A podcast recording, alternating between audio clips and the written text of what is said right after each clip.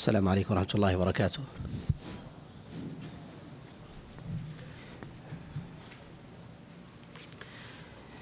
الحمد لله رب العالمين وصلى الله وسلم وبارك على نبينا محمد وعلى آله وأصحابه ومن تبعهم بإحسان إلى يوم الدين أما بعد. ففي هذا المجلس وهو الثاني من شهر ذي الحجة من عام خمس من عام خمسة وثلاثين بعد الأربعمائة والألف نتكلم بإذن الله عز وجل في المجلس الأول من المجلسين على صفة الحج الواردة في ذلك عن رسول الله صلى الله عليه وسلم وكذلك خير القرون من الصحابة والتابعين. ونتكلم كذلك على شيء من الخلاف الوارد في هذه المسألة سواء كان ذلك من الخلاف العالي أو النازل عند الحاجة إليه. وندلل كذلك أيضا على المسائل المختلف فيها عند الترجيح سواء كان ذلك من الأدلة من الكتاب والسنة أو كذلك أيضا من الأثر أو ما دون ذلك مما مما يستدل به العلماء سواء كان ذلك من القياس أو الإجماع أو غير غير ذلك من النظر. فالكلام على مسائل الحج وتفريعاتها ونوازلها مما يطول جدا ويحتاج في ذلك إلى مجالس متعددة. وذلك لكثرة المسائل الواردة في ذلك في المرفوع وكذلك في الموقوف وكذلك لكثرة النوازل الواردة في هذه المسألة مما لم تكن مبحوثة عند العلماء عليهم رحمة الله من الصدر من الصدر الأول.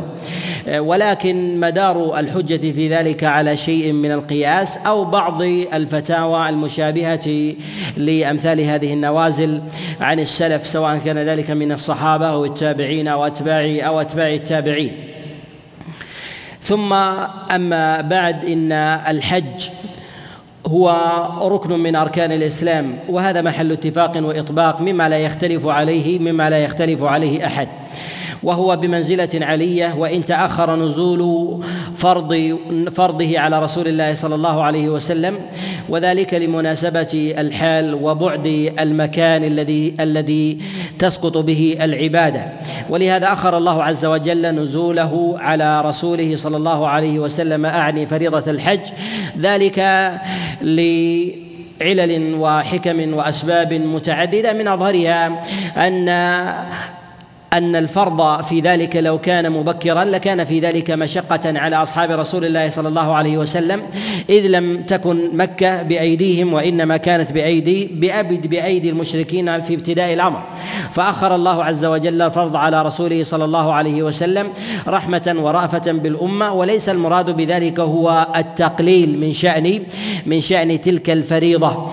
وكذلك أيضا فإن هذه الفريضة قد تلبس بها قد وقع وتلبس بها شيء من لبوس الجاهلية وتبديلهم فبدلوا من شعائرها وشريعتها وكذلك أعمالها وأدخلوا فيها مما لم يكن فيها فكان الدخل فيها كثيرا. فالتصويب في ذلك يحتاج إلى تأخير في التشريع حتى تتنقى تلك الشريعة ويسلم للناس الدين. ولهذا أخر رسول الله صلى الله عليه وسلم حجته إلى عام قابل مع أنه أدرك الفريضة في العام التاسع كما هو عند عامة العلماء على خلاف في الفترات التي تكون قبل قبل ذلك. فرض الله عز وجل على رسوله صلى الله عليه وسلم الحج وشرعه الله عز وجل أيضا للأنبياء من قبله وقد جاء في ذلك أدلة عن رسول الله صلى الله عليه وسلم وذلك أنه قد حج إبراهيم وإسماعيل وحج أنبياء الله عز وجل كصالح وهود وكذلك كموسى وعيسى وغيرهم من أنبياء الله سبحانه وتعالى. وقد جاء رسول الله صلى الله عليه وسلم أنه مر مر بعسفان فقال اني إني أرى هودا وصالح قد مروا قد مروا من هنا مهلين بالحج. وكذلك أيضا فإن أول من نادى بالحج هو إبراهيم الخليل. وذلك أن الله سبحانه وتعالى أمره بذلك في قوله جل وعلا وأذن في الناس بالحج يأتوك رجالا وعلى كل ضامر يأتينا من كل فج عميق.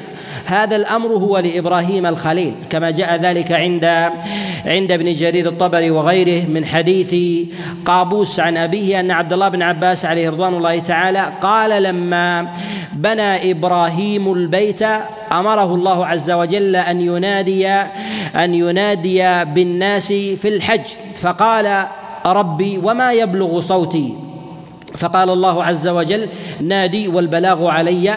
فنادى عليه الصلاة والسلام إن الله قد كتب على الناس الحج فحجوا فأسمع الله ذلك ما بين السماء ما بين السماء والأرض. ومن ذلك قول الله جل وعلا وأذن في الناس بالحج يأتوك رجالا والخطاب في ذلك لإبراهيم لإبراهيم الخليل. وقد حج إبراهيم الخليل وكذلك إسماعيل قد حج إلى البيت الحرام وسار في هذه المناسك والشعائر. التي جاءت عن رسول الله صلى الله عليه وسلم وقد جاء وقد حج ماشيين. كما جاء ذلك عن غير واحد من السلف فيما رواه ابن أبي نجيح عن مجاهد بن جبر. قال حج إبراهيم وإسماعيل ماشيين يعني على أقدامهما. ونقول إن الحج إنما أمر الله سبحانه وتعالى به وذكر الرجال وكذا ذكر الله سبحانه وتعالى الركبان. ليس المراد بذلك الفاضل والمفضول ومعلوم أن النبي صلى الله عليه وسلم حج راكبا فإن حج إبراهيم ماشيا فإن رسول الله صلى الله عليه وسلم قد حج قد حج راكبا ويدل ذلك على أن الأمر إنما هو ما هو أسمح للإنسان وبحسب طاقته. وإنما ذكر الرجال يعني مشي الإنسان راجلا ومشي الإنسان كذلك أيضا في حال جماعة من أصحاب رسول الله صلى الله عليه وسلم ليعلم أن الفريضة لا تسقط بعدم وجود بعدم وجود الراحلة. وهذا من مواضع الخلاف عند العلماء. هل الاستطاعة مقيدة شروطها بالراحلة أم لا؟ ويأتي الكلام على ذلك بإذن الله تعالى. لا يختلف العلماء على أن فريضة الحج ركن من أركان الإسلام. وذلك لقول النبي صلى الله عليه وسلم كما جاء في الصحيحين من حديث عبد الله بن عمر. قال عليه الصلاة والسلام بني الإسلام على خمس شهادة أن لا إله إلا الله وأن محمد رسول الله وإقام الصلاة وإيتاء الزكاة وصوم رمضان وحج البيت من استطاع إليه إليه السبيل وكذلك أيضا ما جاء في الصحيحين من حديث أبي هريرة لما جب لما سأل جبريل رسول الله صلى الله عليه وسلم عن الإسلام. قال الإسلام أن تشهد أن لا إله إلا الله وأن محمد رسول الله وأن تقيم الصلاة وتؤتي الزكاة وتصوم رمضان وتحج البيت إن استطعت إليه إليه سبيلا. وهذا إشارة إلى أركان إلى أركان الإسلام. وقد فرضه الله عز وجل على رسوله صلى الله عليه وسلم بقوله جل وعلا ولله على الناس حج البيت من استطاع إليه سبيلا. والحج بالفتح والكسر كلها كلها من لغة من لغة العرب. وأكثر العرب بالفتح وكذلك أيضا الكسر هي لغة هي لغة وقراءة صحيحة متواترة. ولله على الناس حج البيت أو حج البيت من استطاع إليه سبيلا.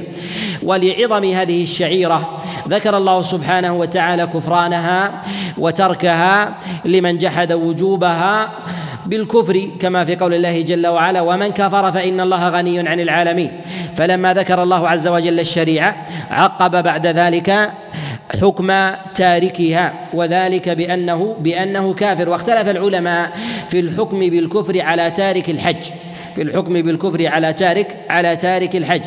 وذلك منهم من أخذ بظاهر هذه الآية. وقال من ترك الحج مبيتا عدم أداء هذه هذه هذه الشريعة. و قد ملك الاستطاعة والقدرة في ذلك فإنه يستوجب في ذلك الكفر وهذا ذهب إليه قلة من السلف.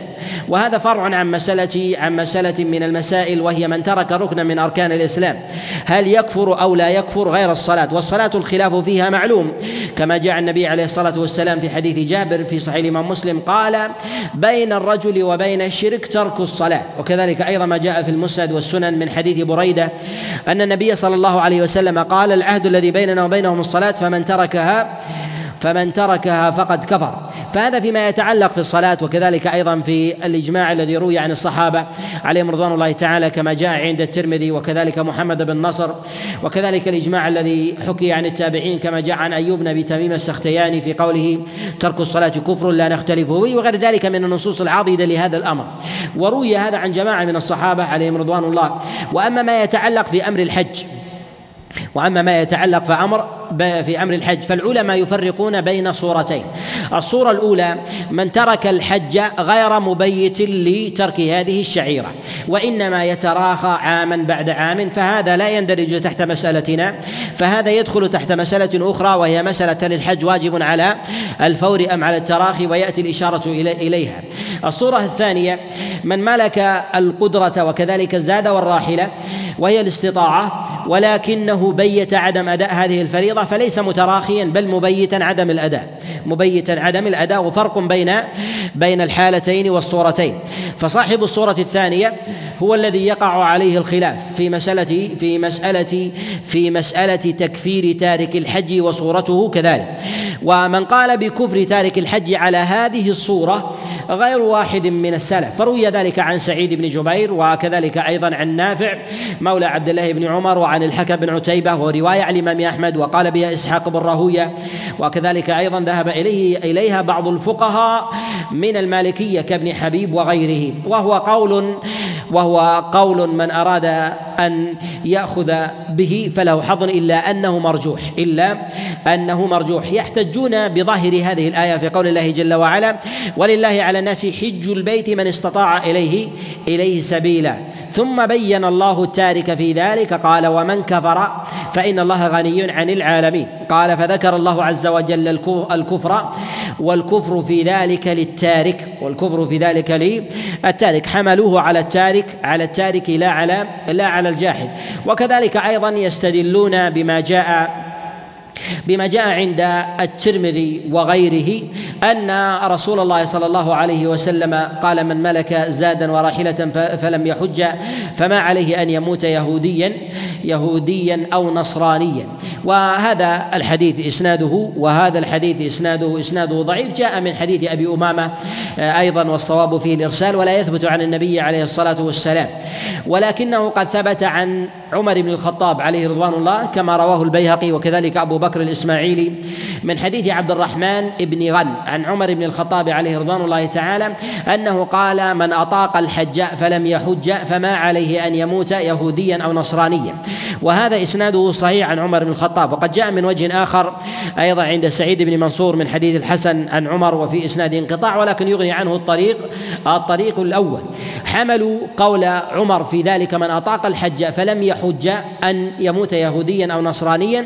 قالوا هذا يعضد تفسير هذه الآية وأن المراد بذلك هو التارك كما حمله عمر بن الخطاب عليه رضوان الله. ومن صرف قول عبد الله بن قول عمر بن الخطاب عليه رضوان الله هذا قالوا إن عمر بن الخطاب إنما قصد في ذلك من ظهر منه ترك الإسلام وذلك لما توفي النبي عليه الصلاة والسلام ارتد من ارتد من قبائل العرب. فقاتل أبو بكر الصديق. جماعة الردة حتى عاد جلهم إلى حياض الإسلام وبقي في بعض النفوس بقية بقي في بعض النفوس بقية. قالوا فكأن عمر قد جعل ذلك أمارة قد جعل ذلك أمارة على الجحود. فهل هذه القبيلة أو هذا أو هذا الفخذ من العرب لا يخرج منه أناس على هذا النحو؟ فإذا كانوا جميعا يطيقون ولم يخرج منهم أفراد فهذا أمارة على أنهم قد بيتوا الردة قد بيتوا الردة. فجعل ذلك قرينة على فجعل ذلك قرينة على الجحود والجحود في ذلك فرع عنده في هذا المعنى على الردة وهذا وهذا من تأوله على المعنى على المعنى الآخر. وهذه المسألة هي من المسائل الخلافية التي هي محل نظر ولكن العلماء عليهم رحمة الله يتفقون على أن تارك على أن الحج ركن من أركان الإسلام ومنزلته عظيمة وإنما خلافهم في ذلك إنما هو في التارك المبيت لعدم الأداء المبيت لعدم الأداء وأما الجاحد للوجوب. وقال إن الحج ليس بفريضة وليس ركنا من أركان الإسلام فإن ذلك لا يختلف العلماء في كفره لا لا يختلف العلماء في كفره لأنه قد جحد شيئا معلوما من دين الإسلام من دين الإسلام آه، بالضرورة. وفرض الله عز وجل على رسوله صلى الله عليه وسلم الحج في السنة التاسعة قبل موسم الحج قبل موسم الحج وهذا على الأظهر. ومنهم من قال إن الله عز وجل فرض الحج على رسوله صلى الله عليه وسلم. قبل ذلك منهم من قال إن الله فرضه عليه في السنة الخامسة. قال وذلك أنه جاء في قصة ضمام بن ثعلبه لما جاء إلى النبي عليه الصلاة والسلام وأخبره بشرائع الإسلام. قالوا جاء في بعض الروايات ان أن الحج منها. وقالوا ذلك في السنة الخامسة كما ذكر ذلك الواقدي وغيره. ونقول إن في هذا القول نظر وفي إثبات العام في ذلك أيضا يحتاج إلى يحتاج إلى يقين. ومنهم من قال إنه في السنة السادسة. قالوا وذلك أن الله عز وجل أنزل على رسوله صلى الله عليه وسلم في ذلك العام قوله جل وعلا وأتموا الحج والعمرة لله. قالوا فالله أنزل هذه الآية وأتموا الحج والعمرة لله على رسول على رسول الله صلى الله عليه وسلم زمن الحديبية. وذلك في السنة السادسة. قالوا فدل على أن الله فرضها. وهذا أيضا نقول لا نختلف أن الله عز وجل أنزل على رسوله صلى الله عليه وسلم هذه الآية في الحديبية وهي في السنة السادسة. ولكن إن هذه الآية لا يلزم منها الوجوب وذلك أن الله أمر بالإتمام والإتمام يكون بعد الشروع. يكون بعد الشروع ويختلف ذلك عن الاداء كما في قوله جل وعلا ولله على ناس حج البيت. يعني من دخل محرما بعمرة حرم عليه أن ينفك عنها إلا بعذر. والعذر في ذلك له ضوابطه عند عند العلماء. قالوا وأما المراد بذلك في مساله في مسألة البداءة فهذا ليس بمقصود. وهذا وهذا هو الأظهر. فالله ما قصد البداءة وإنما أراد الإتمام. والإتمام لا يكون إلا بعد الشروع. فيقال لفلان أتم الصلاة. وأما الذي لم يبدأ في ذلك فإنه يؤمر بأداء الصلاة ابتداء يؤمر بأداء الصلاة الصلاة ابتداء وهذا وهذا هو الأظهر. وأما شريعة الحج فكانت موجودة وقد حج النبي عليه الصلاة والسلام قبل قبل هجرته مرات منهم من قال مرة ومنهم من قال مرتين. وحج رسول الله صلى الله عليه وسلم حجة حجته بعد الهجرة. وكذلك أيضا كانت العرب تحج قبل ذلك ولكن دخل في الحج من التدليس والتلبيس وكذلك البدع والإحداث. ولهذا رسول الله صلى الله عليه وسلم أجل حجه إلى إلى العام العاشر ودفع الصحابة عليهم رضوان الله تعالى إلى أن يحجوا قبله. والسبب في ذلك أن أن الأعوام السابقة في ذلك حتى العام التاسع كان المشركون يحجون في في البيت الحرام. فيدخلوا يدخلون حج الجاهلية والمناسك التي غيروها فمنهم من يطوف عريانا من الرجال والنساء وكذلك أيضا ما يظهرون من أعمال الجاهلية فكانت ثمة أصنام على الصفا والمروة وحول البيت وكذلك أيضا في تغيير المناسك والوقوف بعرفة. فإن كفار قريش ما كانوا يقفون بعرفة وإنما يقفون بمزدلفة. وبقية العرب تقف بعرفة فكان الناس في ذلك على قسمين. ولهذا كانت قريش تشدد على نفسها وتسمي نفسها الحمص. يعني الذين تحمسوا وشددوا على أنفسهم وقالوا نحن أهل بيت الله فلا نخرج من حرم الله في المناسك حتى يتحللوا. فيبقوا في حدود الحرم وحد الحرم من جهة عرفة مزدلفة فيقفوا في فيقف عند عند أطرافها. وأما العرب فيخرجون عنها باعتبار أنهم ليسوا من حرم الله فجعلت قريش ومن تحمس معها لها مزية عن بقية العرب فبقت فبقيت في مزدلفة وهذا من التبديل والإحداث. وكان النبي صلى الله عليه وسلم يعلم التبديل الذي قد وقعت فيه قريش فقد حج النبي قبل هجرته. وكان يقف عليه رسول الله عليه الصلاة والسلام بعرفة وما كان يقف مع وما كان يقف مع قريش بمزدلفة. كما جاء في صحيح البخاري من حديث محمد بن جبير بن مطعم عن أبيه أنه قال أضللت بعيرا لي في موسم الحج. قال فتبعته فأتيت عرفة. فرأيت رسول الله صلى الله عليه وسلم وهو واقف بها مع العرب. فقلت إن هذا من الحمص. ما الذي أتى به هنا؟ يعني أنه مع قريش. فما الذي جاء به وقد وقف مع مع بقية الناس؟ وفي هذا دليل على أن النبي كان يحج قبل ذلك ولكن على الحنيفية السمحة لا على تبديل قريش لا على تبديل قريش. وإنما كان النبي صلى الله عليه وسلم يؤخر حجه إلى ما بعد إلى ما بعد فرض الحج وهي في السنة العاشرة. ذلك حتى يعظم الإسلام وينتشر فيحج النبي عليه الصلاة والسلام بأصحابه ويجرد مكة من ويجرد مكة من عمل المشركين حتى لا يتداخل عمل الحنيفية السمحة وتصحيحها مع عمل الجاهلية وبدعها فيشكل ذلك على العرب.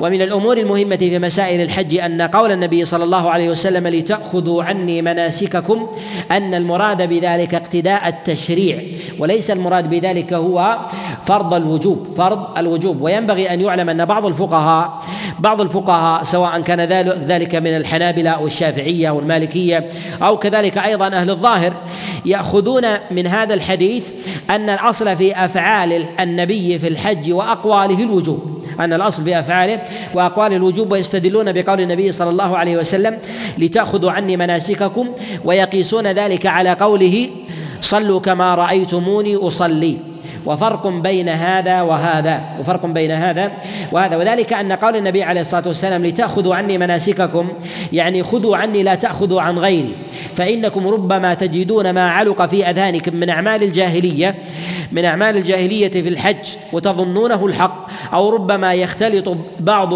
أفواج العرب أو بعض المشركين يحجون في ذلك العام وتظنون أن هؤلاء قد اقتدوا بي ولم يقتدوا بي. فأمر النبي أن يقصر التشريع على نفسه. لا أن يجعل أصل فعله الوجوب.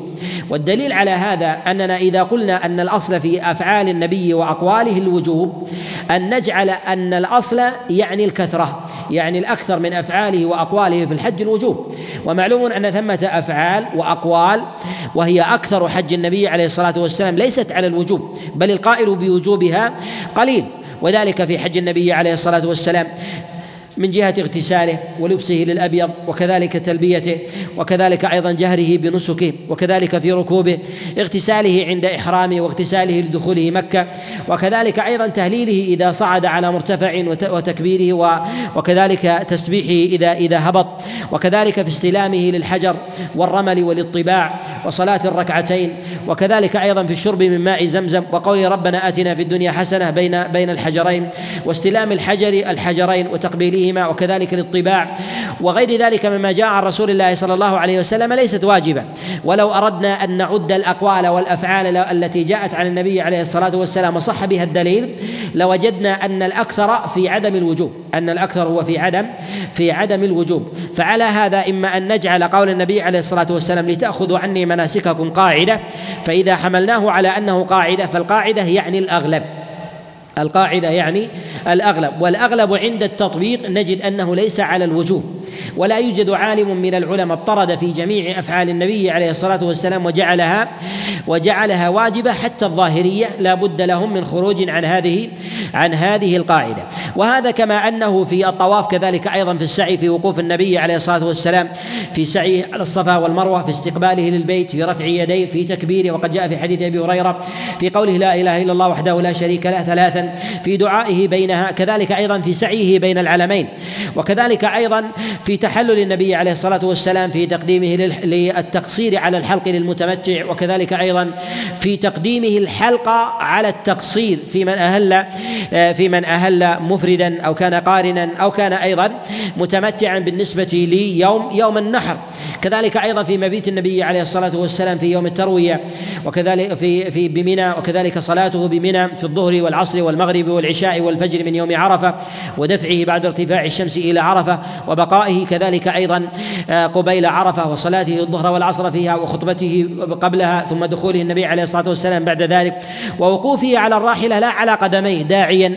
وغير ذلك من أحوال النبي عليه الصلاة والسلام نجد أن مثل هذه الأفعال يذكرها الفقهاء ولا يذكرون وجوبها عند عامتهم عند عند عامتهم وإن وإن نص بعضهم على وجوبها وإن نص بعضهم على على وجوبها لكنه ليس بمضطرد في فعله. ولهذا نقول إن الأصل في قوله عليه الصلاة والسلام لتأخذوا عني مناسككم المراد به هو التشريع. وذلك لجملة من القرائن. منها هذه القرينة أن لو أجريناها قاعدة أن هذا عند التطبيق لا لا يطرد ولا بد أن نخرمها عملا.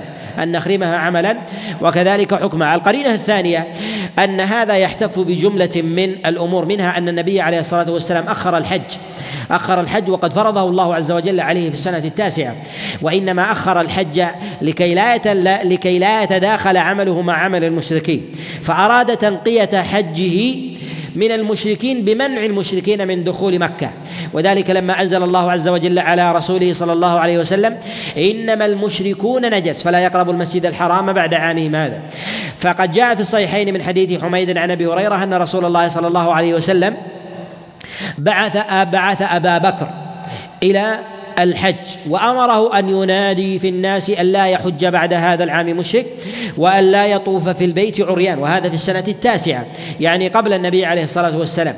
فلما دفع النبي بأبي بكر ومن معه من الصحابة ليحجوا وينذروا حتى يخلوا الموضع قبل أن يأتي النبي عليه الصلاة والسلام ويبدي الشريعة لأن الناس لو جاءوا وتداخلت أعمالهم وأفعالهم مع أعمال النبي عليه الصلاة والسلام لا يدرى أيهم الذي جاء مع النبي عليه الصلاة والسلام وأيهم المقتدي. المقتدي به فتداخلت الأقوال والأفعال وكذلك أيضا وكذلك أيضا الألبسة فوقع في ذلك من اللبس وكان ذلك حكمة في تأخير الحج عن رسول الله صلى الله عليه وسلم.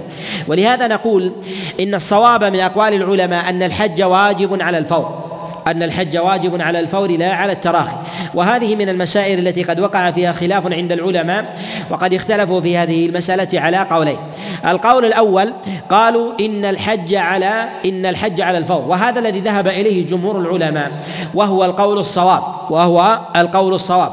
وذلك لجملة من الأدلة لجملة من الأدلة. أولها أن الله سبحانه وتعالى إنما أخر الحج إلى العام التاسع مع كونه ركنا من أركان الإسلام وقد أوجب فرائض هي دونه منزلة إنما أخر ذلك لجملة من العوارض المانعة من وجوبه المانعة من وجوبه حتى حتى يصفو من كدر عمل الجاهلية. وتأخيره في ذلك وأمر النبي صلى الله عليه وسلم لأبي بكر وهو وهو وزيره الأول عليه رضوان الله تعالى دليل على التأكيد. الأمر الثاني أن رسول الله صلى الله عليه وسلم أذن في الناس لما أراد الحج في السنة العاشرة في المدينة وأطرافها وأمر الناس وبعث الناس أيضا أن يخبروا الناس ممن حولهم أن رسول الله صلى الله عليه وسلم حاج هذا العام. ولهذا جاء في حديث جابر عند الإمام مسلم أنه تبع رسول الله صلى الله عليه وسلم فئام كثير. وكذلك أيضا قرينة ثالثة أن رسول الله صلى الله عليه وسلم تبعه الناس من أقطار بعيدة كاليمن وأطراف نجد وطي وغيرها وهذه لا تقصد بمثل هذه الوفرة إلا لأمر إلا لأمر متأكد إلا إلا لأمر لأمر متأكد. وكذلك أيضا أنه قد تبع رسول الله صلى الله عليه وسلم أقوام من أهل الأعذار كأسماء عليه رضوان الله. فقد تبعت رسول الله وهي في شهر ولادتها فولدت بذي الحليفة.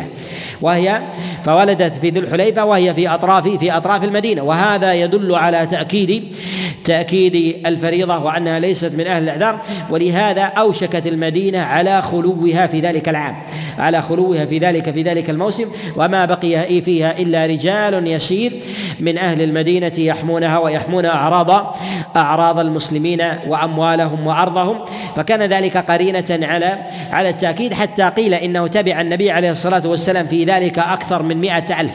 منهم من قال إنه تبع النبي عليه الصلاة والسلام 114 ومنهم من قال 120 على اختلاف عندهم في هذا ولكنه عدد غفير وجمع كثير لا يكون ذلك إلا بتأكيد وتواطؤ لا يكون ذلك إلا بتأكيد وتواطؤ. وكذلك أيضا أنه جاء في قول جابر عليه رضوان الله تعالى قال كلهم كلهم يريد أن يقتدي برسول الله صلى الله عليه وسلم وأن يفعل مثل فعله وأن يفعل مثل فعله. هذا فيه تأكيد على ما تقدم في قوله لتأخذوا عني مناسككم أن المراد به الاقتداء أن المراد به الاقتداء والتشريع وأنه ينقى مما بقي لديهم في أذهانهم من أعمال الحج وكذلك أيضا لا يقتد بغيره فيأخذ في ذلك فيأخذ بذلك الحج عن رسول الله صلى الله عليه وسلم. ولهذا نقول إن الأرجح في هذا أن الحج أن الحج على الفور أن الحج على الفور. جاء في ذلك جملة من الأدلة عن رسول الله صلى الله عليه وسلم. كما جاء في عند الإمام أحمد وكذلك أيضا جاء عند غيره من حديث إسماعيل بن خليفة عن أبيه عن فضيل عن سعيد عن عبد الله بن عمر عبد الله بن عباس عليه رضوان الله أنه قال قال رسول الله صلى الله عليه وسلم تعجلوا بالحج يعني الفريضة فإن أحدكم لا يدري ماذا يعرض له. وجاء عند أبي داود أنه قال قال رسول الله صلى الله عليه وسلم تعجلوا. قال من أراد الحج فليتعجل وفي إسناده مجهول والاول أيضا فيه ضعيف ولكن هي تعضد هذا آه، تعضد تلك القرائن السابقة. القول الثاني وهو قول عطاء وقال به الإمام الشافعي رحمه الله أن الحج على التراخي لا على الفور. أن الحج على التراخي لا لا على الفور. وفرق بين من قال بأن الحج على التراخي وبين من لم يبيت أداء الحج. من لم يبيت أداء الحج فهاتان مسألتان مختلفتان. ويتفق العلماء على أهمية المبادرة وتأكيدها على أهمية المبادرة وتأكيدها وذلك لقول الله عز وجل ولله على الناس حج البيت من استطاع إليه سبيلا. فربط الأمر بالاستطاعة إشارة إلى أنها تجب عند الاستطاعة ويؤكد أن الحج في ذلك أن الحج في ذلك على الفور. أننا لو قلنا بالتراخي ما هو الحج ما هو العام الذي يجب على الإنسان أن يؤدي به الفريضة؟ إذا كان يتراخى. فإذا قلنا كذلك فإنه يلزم أنه لو مات متراخيا أنه لا يأثم. أنه لا يأثم فإذا عجلها إلى العام التالي والعام الذي يليه والعام الذي يليه والعام الذي يليه وهكذا. فما هو العام الذي يأثم به الإنسان فإذا قبض؟ قلنا بإثمه. فإذا قبض الإنسان وهو ابن خمسين وقد استطاع عشر سنين أو عشرين أو ثلاثين سنة فأي عام قد أثم به؟ أو العام الأول أو الثاني أو بمجموعها. وإذا كان بواحد منها فما هو الدليل على ذلك؟ وإذا كان بمجموعها فما هو الدليل على أنها لا تثبت بعام واحد وتثبت بمجموعها؟ وإذا قلنا كذلك أيضا أنها تثبت تثبت بوفاة الإنسان فما الذي قيد الإثم بالوفاة؟ ولم يرد ولم يرد الدليل تقييد تقييد ذلك. بل نقول إن الصواب في ذلك أنها على الفور. أن هذه الفريضة على على الفور. فإذا مر على الإنسان عام وهو مستطيع من أهل الاستطاعة فلم يؤديها أثم حتى يأتي العام الذي يليه ثم يأثم بعد ذلك وهكذا حتى يرتفع فرضه حتى يرتفع فرضه. ويجب على الإنسان أن يؤدي الفريضة إذا ملك القدرة بنفسه مستقلا لا معتمدا على غيره. لا أن يعتمد تعتمد الزوجة على مال زوجها ولا الولد على على مال أبيه ولا الخادم على مال مال مخدومه ولا العبد على مولى سيده. ونقول إن هذا إن هذا من نظر فيه وجد أنه يتفق مع الأصول وكذلك أيضا عليه عمل السلف عليهم رحمة الله تعالى في فتاواهم في في فرضية الحج. وذلك أن العبد أصلا لا يجب عليه الحج باعتبار عدم استقلاله. وأما بالنسبة لمن يملك لم يملك المال فإن المال إذا كان فيه منة لم يجب عليه إلا إذا ملك إياه. إلا إذا ملك إياه. فإذا ملك إياه فأخذه وقبضه وقع في ملكه وجب عليه بعد ملكه إياه لا أن يسأل وأن وأن يعطى لأجل هذا فيجب عليه حينئذ. فنقول إنه بعد ملكه ينصرف إليه ينصرف إليه الوجوب لكونه من أهل من أهل الاستطاعه من أهل الاستطاعه ونقول إن الوجوب في ذلك يكون على كل قادر مستطيع من أهل الإسلام. وأهل التكليف من أهل الإسلام والتكليف. ويذكر العلماء عليهم رحمة الله تعالى في ذلك شروطا على من يجب عليه الحج. وأظهر هذه الشروط منها ما هو محل اتفاق ومنها ما هو محل محل خلاف. أول هذه الشروط ومحل اتفاق الإسلام أنه لا يجب على الكافر باعتبار أن الله حرم عليه دخول محل محل العبادة. فإذا حرم عليه أن يدخل محل العبادة فأداؤها من باب أولى. وذلك في قول الله جل وعلا إنما المشركون نجس فلا يقربوا المسجد الحرام بعد عامهم هذا. وقد جاء في الصحيحين من حديث أبي هريرة أن رسول الله صلى الله عليه وسلم أمر أبا بكر أن ينادي في الناس الا يحج بعد هذا العام مشرك والا يطوف في البيت عريان. فحرم عليه أن يدخل موضع العبادة فمباشرته للعبادة آكد الا الا يباشرها الا يباشرها وهذا محل اتفاق عند العلماء ولا خلاف عندهم في ذلك. وهذه مسألة خارجة عن مسألة مخاطبة الكفار في فروع الشريعة باعتبار أنهم لو خوطبوا بفروع الشريعة على قول من قال بأنهم يخاطبون نقول إنه في ذلك أنه لا يتوجه إليهم الخطاب في ذلك باعتبار النهي عن محل العبادة. والأمر الثاني في ذلك أن العبادة لا تصح منهم ومن علقها من العلماء بالخطاب في ذلك أنه بالأمر الأخروي وليس بالأمر الدنيوي فنقول محله في أمثال هذه العبادة في في الحج لا في لا في غيره لا في غيره. ومن قال في بعض العبادات آه، أنهم يخاطبون بها من فروع الشريعة فمنهم من قال أداء ومنهم من قال إثما وذلك فيما يتعلق مثلا بأداء الزكاة إذا كانت تحت ولاية المسلمين في ذلك وهو قول أيضا قول شاذ شاذ وقال به قلة من الفقهاء من المتأخرين. والأصل في ذلك أنهم لا يخاطبون في الشريعة من جهة في فروع الشريعة من جهة الدنيا ولا كذلك أيضا من جهة الآخرة وإنما يخاطبون على على أصل ما لديهم وإن علموا شيئا فجحدوه في ذلك فإنهم يخاطبون بجحودهم يخاطبون على جحودهم. فالذي يجحد الصلاة وجحد وحدانية الله عز وجل وأشرك مع الله وهو عالم فيخاطب على جحوده باعتبار أن جحوده من التوحيد جحوده من الشرك المناقض للتوحيد لا على ذات المتروك لا على ذات المتروك.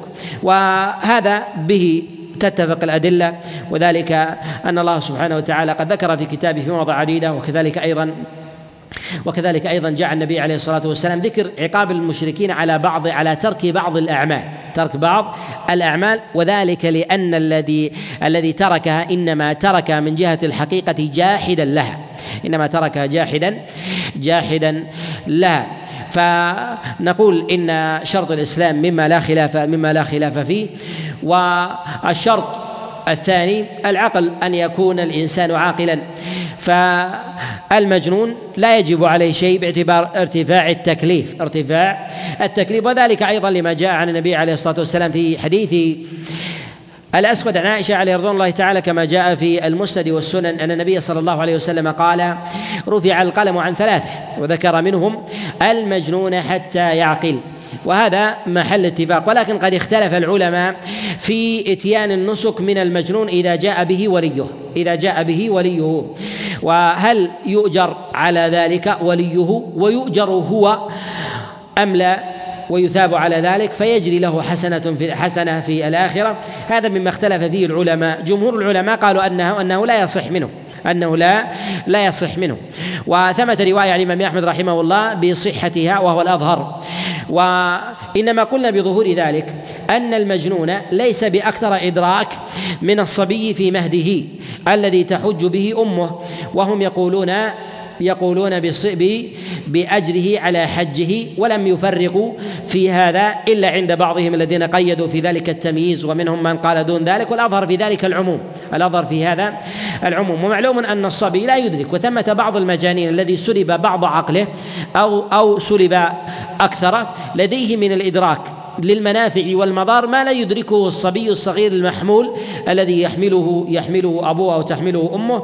فنقول حينئذ إنه يؤجر ولو عقل بعد ذلك يجب عليه أن يأتي بحجة أخرى باتفاق العلماء باتفاق العلماء وكذلك أيضا وكذلك أيضا الصبي وكذلك أيضا الصبي. فنقول حينئذ لابد لابد في ذلك من العقل من جهة الوجوب. وأما لو حج آه، أو حج بالإنسان وهو مجنون أو فقد شيئا من عقله لا يسقط عليه معه التكليف. فنقول حينئذ إنه ينزل عليه الأجر كحال الصبي كحال الصبي.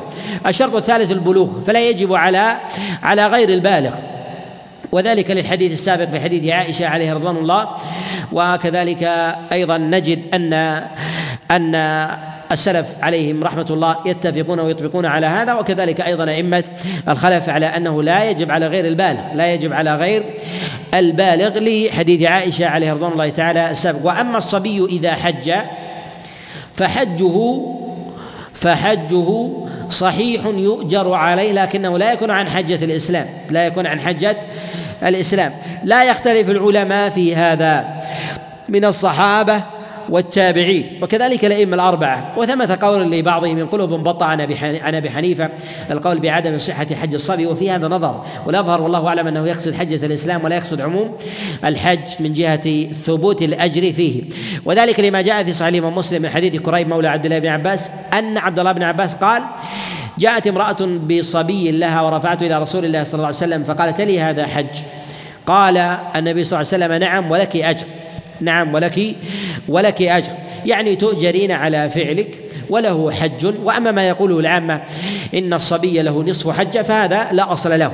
بل له الأجر بمقدار ما يحترز من المحظورات وبمقدار ما يأتي ما يأتي من من مناسك من مناسك الحج. وإنما الخلاف عند العلماء في الصبي إذا أتلف شيئا من آه، أو وقع في شيء من المحظورات أو ترك شيئا من الواجبات الفدية عليه في ماله أو في مال وليه.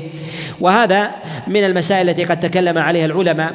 نقول إذا خرج الصبي أو أخرج بغير إذن وليه فوقع في شيء من المحظورات فان فإن الفدية في ماله بلا خلاف. قد حكى الإجماع على ذلك ابن المنذر وغيره. وأما إذا خرج بإذن وليه هو الذي أخرجه. فوقع في شيء من المحظورات فوقع في ذلك في ذلك خلاف وجماهير العلماء على أنه أيضا في مال في مال سيده في ذلك لأنه لا يدرك المحظور حتى يحترز منه ولا يدرك الواجب حتى حتى يفعله فلا يميز بين التأكيدات في ذلك فيتحمل في ذلك سيده في فيتحمل في ذلك سيده في هذا على من قال بهذا بهذا القول منهم من قال إنه في إنه في مال في مال الصبي. ونقول إن الصبي إذا جاء بحجة ثم بلغ فإنه يجب عليه أن يحج حجة أخرى وهذا لا خلاف عند العلماء فيه. وإنما يختلفون إذا بلغ في عرفة باعتبار أن الحج عرفة كما جاء في المسند وكذلك أيضا في السنن من حديث عبد الرحمن بن يعمر أن رسول الله صلى الله عليه وسلم قال الحج عرفة وهو ركن من أركان الإسلام وهو ركن من أركان وهو ركن من أركان الحج بل آكد أركان الحج على قول والأظهر والله أعلم أن آكد أركان الحج الإحرام وهو النية وهو النية يليه بعد ذلك الوقوف بعرفة. يليه بعد ذلك الوقوف بعرفة. فلا يغني الإحرام عن الوقوف بعرفة ولا يغني الوقوف بعرفة عن الإحرام. والمراد بالإحرام هو النية وليس المراد بذلك هو لبس الرداء والإزار. لبس الإزار والرداء. فنقول إذا وقف بعرفة إذا وقف بعرفة صبيا ثم بلغ كأن يكون مثلا مولده في يوم عرفة أو نحو ذلك أو احتلم فيها فهل يجب عليه أن يحج عاما بعد بعده؟ أم لا؟ نقول الأظهر في هذا أن حجته في ذلك تجزئ عن حجة الإسلام. إذا كان بلوغه في يوم في يوم عرفة. وهذا الذي ذهب إليه جماعة من العلماء وهو الإمام الشافعي والإمام أحمد رحمه الله. ومنهم من قال بعدم إجزائه وهو الإمام مالك. ومنهم من قال بأنه يجزئ عنه إذا جدد نيته مرة أخرى فلا بد أن تقع منه النية حال الوجوب عليه فنيته الأولى قد وقعت منه حال عدم الوجوب وهو استحباب في هذا وقال أبي حنيفة والأرجح في ذلك هو الأمر الأول والأرجح في هذا هو القول الأول باعتبار أنه قد صح منه العمل والنية كانت مصاحبة والنية في ذلك مصاحبة وكانت متصلة فلا تحتاج إلى إنشاء جديد فلا تحتاج إلى إنشاء جديد. ويدل على أنه يجب عليه أن أن يحج حجة الإسلام. ما جاء من حديث أبي ظبيان عن عبد الله بن عباس عليه رضوان الله تعالى أنه قال وجاء في ذلك مرفوعا قال أيما صبي حج ثم بلغ فعليه حجة أخرى. فعليه حجة أخرى وأيما عبد حج ثم أعتق فعليه حجة أخرى. وهذا الحديث قد جاء مرفوعا قد جاء مرفوعا عند ابن أبي شيبة في كتابه المصنف وجاء كذلك موقوفا والصواب فيه الوقف ولكن له حكم الرفع ولكن له حكم حكم الرفع. فنقول في هذا إن إن الصبي لا يجب عليه الحج ابتداء ولكن لو حج فحجه صحيح ويؤجر عليه. وأما أداؤه بعد ذلك للحجة الإسلام فنقول كمن لم يحج كمن لم كمن لم يحج فيجب عليه أن يحج إذا كان بلوغه بعد الوقوف بعد الوقوف بعرفة. ويأتي الكلام في تحديد الوقوف الفاضل وتحديد الوقوف المفضول وابتداء كل واحد منها وابتداء كل واحد منهما وسنة النبي صلى الله عليه وسلم في ذلك وخلاف العلماء في هذه في هذه المسألة بإذن الله بإذن الله تعالى. ويدل على صحة الحج للصبي. ما جاء النبي عليه ما جاء في حديث السائب بن يزيد عند البخاري أنه قال حج بي مع رسول الله صلى الله عليه وسلم وأنا ابن سبع سنين. والمراد بهذا أنه حج به فلم يستقل بنفسه وهذا يتضمن مسائل وفوائد منها حج الصبي الصغير وصحته ومنها استحباب الحج بالصغير فأنه حج به وكذلك أيضا يؤجر يؤجر والده أو من أو من من يعيله فإنه يؤجر على ذلك. وهل الأجر في هذا أجر الحجة التامة أم دون ذلك؟ نقول فضل الله عز وجل في ذلك في ذلك واسع. وفيه أيضا من الأدلة أن من حج بأحد ولو كان حاملا له فإن الفعل يكون عن الاثنين لا يكون عن واحد. فإذا حملت شيخا كبيرا على كتفك أو حملت أمك أو حملت صبيك وهي وهو محرم وأنت محرم فطفت فالطواف للاثنين للحامل والمحمول للحامل والمحمول. وهذا من المسائل التي قد وقع فيها خلاف عند العلماء. إذا حمل محرم محرما إذا حمل محرم محرما آخر فهل العمل في ذلك لهم جميعا أم للحامل وحده أم للمحمول؟ اختلف العلماء في هذه المسألة على على قولين. ذهب جمهور العلماء أن العمل في ذلك للحامل أن العمل في ذلك للحامل. قالوا وذلك وذلك لأنه هو الذي باشر باشر في هذا آه، العمل. ومنهم من قال إن الأجر والعمل في ذلك للمحمول والحامل في ذلك كحال النائب في الحج كحال النائب في الحج. فالجمهور في هذا قد قالوا بهذين بهذا بالجمهور قد انقسموا في هذه المسألة على قولين. قالوا في ذلك أنه يكون لواحد منهما يكون العمل في ذلك لواحد منهما. إما أن ينوي الحامل أنه عن وإما أن يكون للمحمول من دونه وإما أن يكون للمحمول من دونه. وأما قولهم أنه يكون للمحمول من دونه قالوا كحال الإنسان الذي حج عن حج عن غيره ولم يحج عن نفسه. ولم يحج عن نفسه. فهذا فهذه نيابة. فهذه نيابة قال وهذا نوع من أنواع النيابة وذهب إلى هذا المالكية والشافعية وكذلك أيضا جماعة من الفقهاء من الحنابلة. القول الثاني وهو الصواب ذهب إليه جماعة من الفقهاء من الحنابلة وقال أبي حنيفة عليه رحمة الله إلى أنه عنهم جميعا. أنه عنهم جميعا. وهذا يدل عليه حديث السائب بن يزيد كما في البخاري في قوله حج بي مع رسول الله صلى الله عليه وسلم. وفي حديث أيضا عبد الله بن عباس للمرأة قال نعم ولك أجر يعني له حج ولك أجر وهي حاجة أيضا. فلا يعقل أنها تحج بصبيها ولا تحج هي ولا تحج هي فهي لها أجر فوق حجها. ولصبيها أجر تلك تلك الحجة. ومع ذلك لم يبين النبي صلى الله عليه وسلم ومثل هذا لا يؤخر بيان مثل هذا لا يؤخر بيان. ثم أيضا أنه لم يثبت عن أحد من أصحاب رسول الله صلى الله عليه وسلم مع كثرة حج حجهم بالصغار مع كثرة حجهم بالصغار غير البالغين وعدم المكلفين. وغالبا ما يحملون في أعمال في أعمال الحج كالطواف. وكذلك السعي ونحو ذلك فمثل هذا يحتاج إلى بيان. فلما لم يقع في ذلك بيان دل على صحة وقوعه منهم منهم جميعا. وهذا هو الأقرب لسعة الشريعة. لسعه الشريعة فإنهم لو كانوا يطوفون طوافين عن الحامل والمحمول لنقل مثل ذلك لأن هذا تتداعى الهمم على نقله تتداعى الهمم على نقله سواء حمل الإنسان الصبي بنفسه أو حمله مثلا بآلة حمل بآلة حمل أو دفعه بعربة بعربة أو شبهها فإن الحكم في ذلك فإن الحكم في ذلك في ذلك واحد. ومن باب أولى أيضا من قاد أعمى أو قاد أعرج أو نحو ذلك فإنه في ذلك أيضا فإنه في ذلك من باب أولى. إذا قلنا في المحمول حملا تاما فإنه لمن دونه من باب أولى في من يعضد أعرجا أو أقطعا أو كذلك يقود أعمى فإنه يقع عن الاثنين أيضا من باب من باب من باب أولى. وهذا الذي عليه عمل السلف وإن اختلف الفقهاء عليهم رحمة الله تعالى فيما ممن جاء بعدهم على هذه على هذه المسألة. ومن شروط من شروط أو من شروط الحج الشرط الرابع في ذلك هو الاستطاعة. شرط في هذا والاستطاعة وذلك لقول الله جل وعلا ولله على الناس حج البيت من استطاع إليه سبيلا.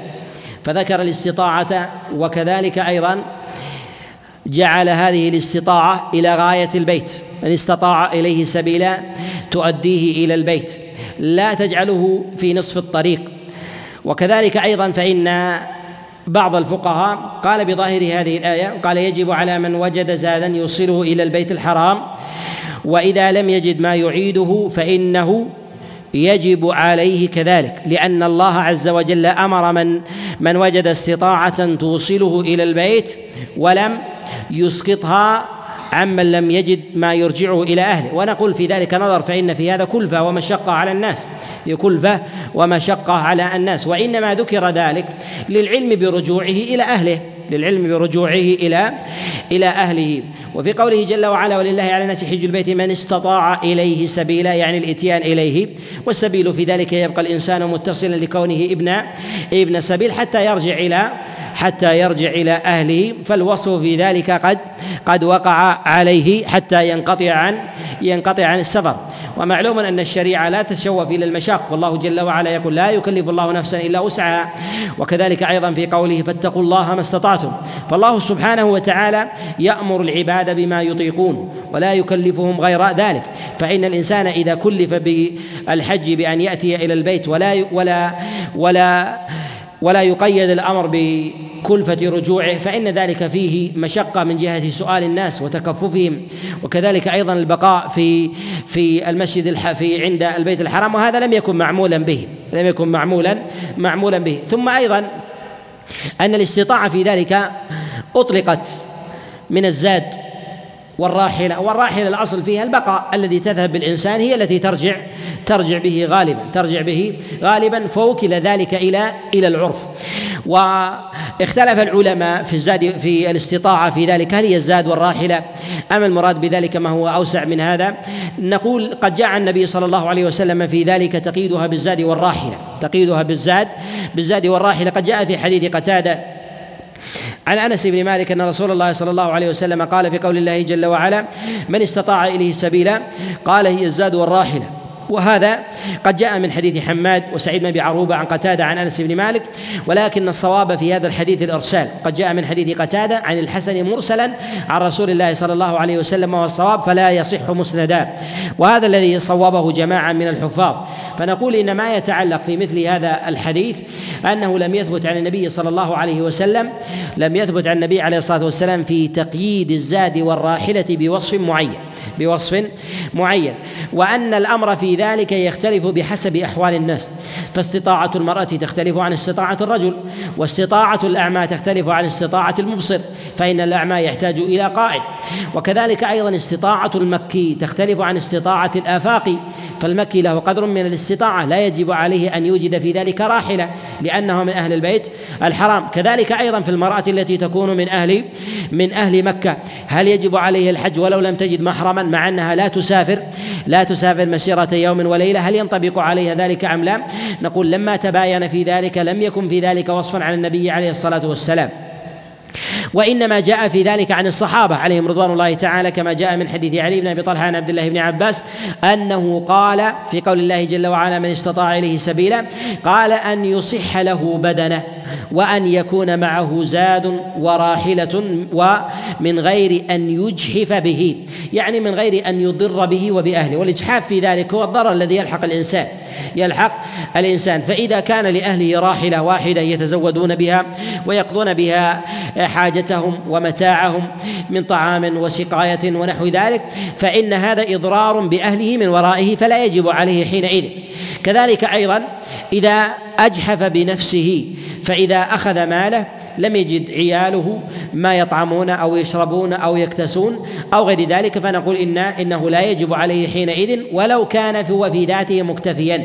لأن النبي صلى الله عليه وسلم يقول كفى بالمرء إثما أن يضيع من يملك من يملك قوته. فوجب فوجب حينئذ النفقة على العيال قبل أن يسقط الإنسان ما كان من حق الله سبحانه وتعالى لأن حق الله مبني على المسامحة وحق العباد في ذلك مبني مبني على المشاحة فإن الزوجة وكذلك الأولاد لهم حق في ذلك وحقهم في ذلك متعين في ماله. والله جل وعلا والله جل وعلا يعفو عن عبده ويغفر والأمر في ذلك على والأمر في ذلك على السعة والعلماء عليهم رحمة الله تعالى يفرعون في هذه المسألة في مسألة الاستطاعة بحسب أحوالهم ويتكلمون في ذلك كلاما كثيرا. هل يجب على الأعمى أو لا يجب عليه؟ فإذا وجب عليه هل يجب عليه أن أن يوجد أن يوجد قائدا في ذلك يقوده.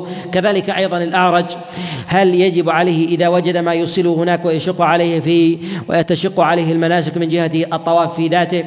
ولو أداها هل يتعين عليه أو لا يتعين؟ فإذا اختلفوا في الأعمى فإنهم يختلفون في في الأعشى وانبصروا خفيف كذلك.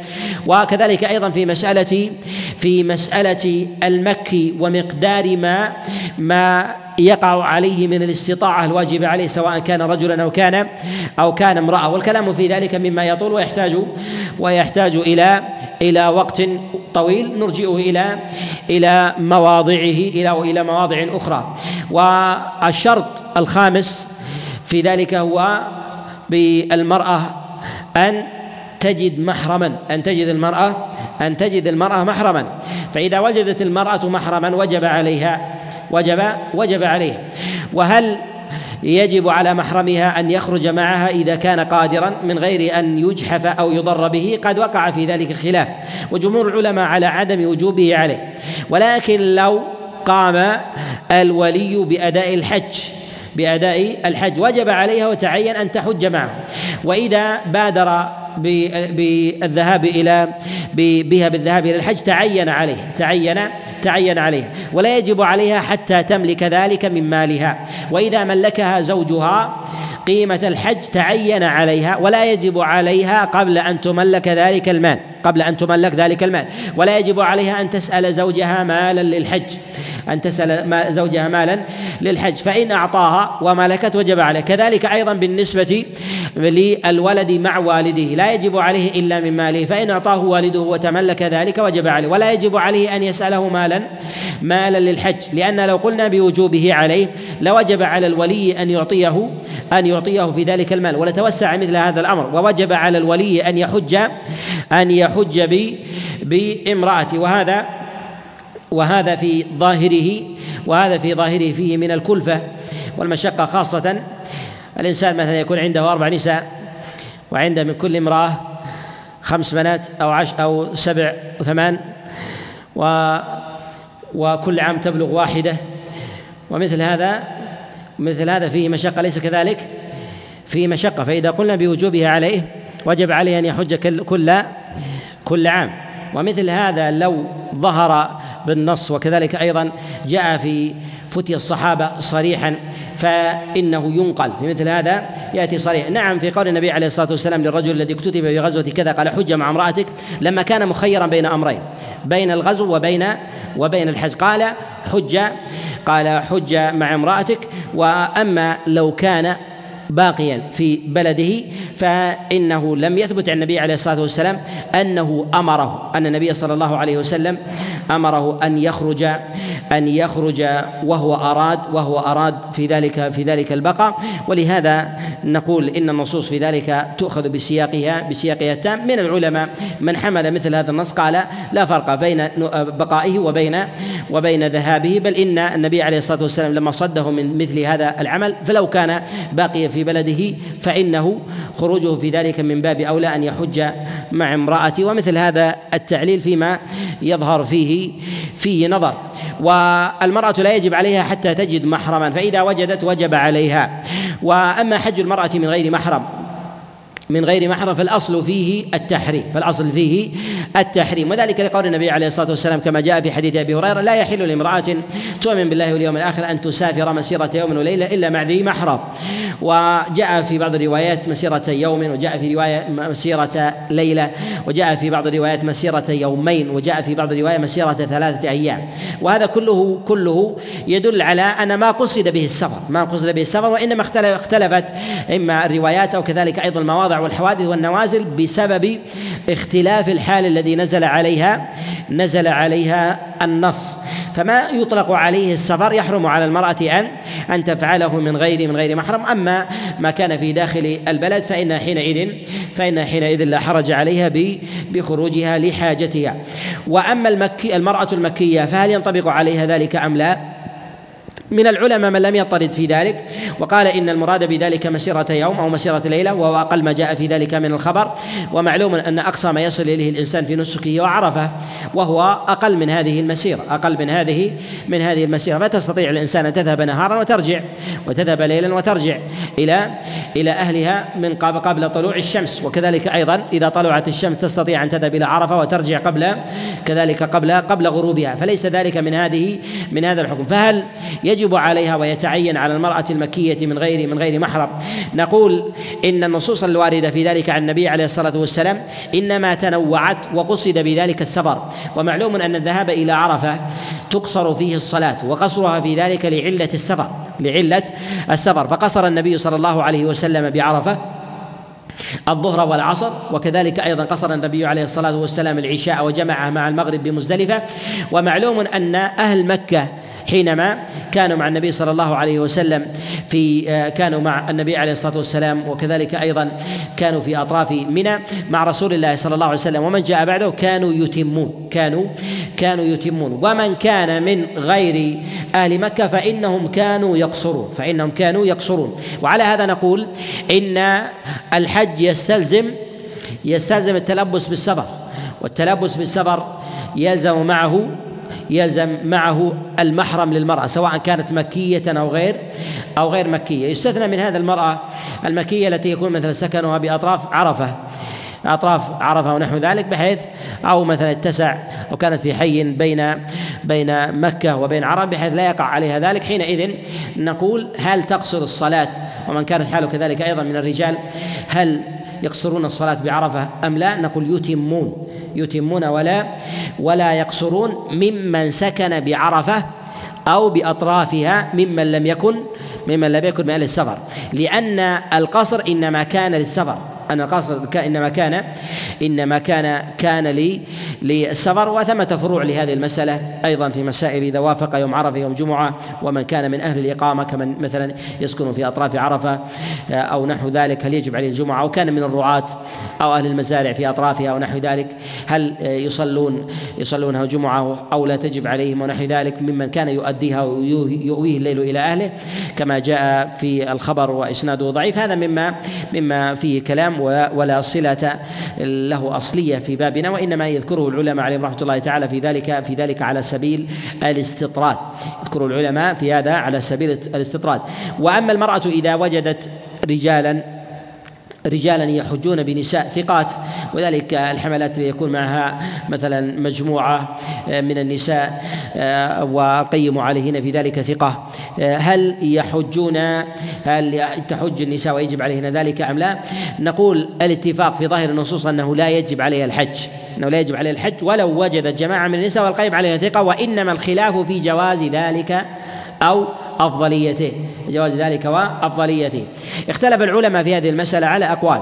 منهم من قال بالمنع. منهم من قال بالمنع. بمنع أن تذهب المرأة أن تذهب المرأة مع غير محرمها.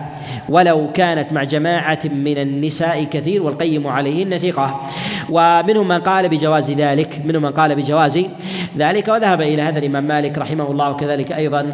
وقول للشافعي والإمام أحمد وقال به جماعة من الفقهاء أيضا من من السلف ومروي عن عائشة عليها عليها رضوان الله. مروي عن عائشة عليها رضوان الله. وكذلك أيضا جاء عن عثمان بن عفان وروي عن عمر بن عن عبد الله بن عمر عليه رضوان الله عليه رضوان الله تعالى. ورجحه ابن تيمية رحمه الله أن المرأة إذا وجدت رجالا إذا وجدت نساء آه، صالحات والقيم عليهن في ذلك ثقة أنها لا حرج عليها بأن تذهب إلى الحج وحجها في ذلك صحيح إذا كان وإذا كان عن حجة إذا كانت حجة الفريضة فإنه يسقط عنها عن حجة عن حجة الإسلام وقيدوا النص في النهي في ذلك بغير الحج.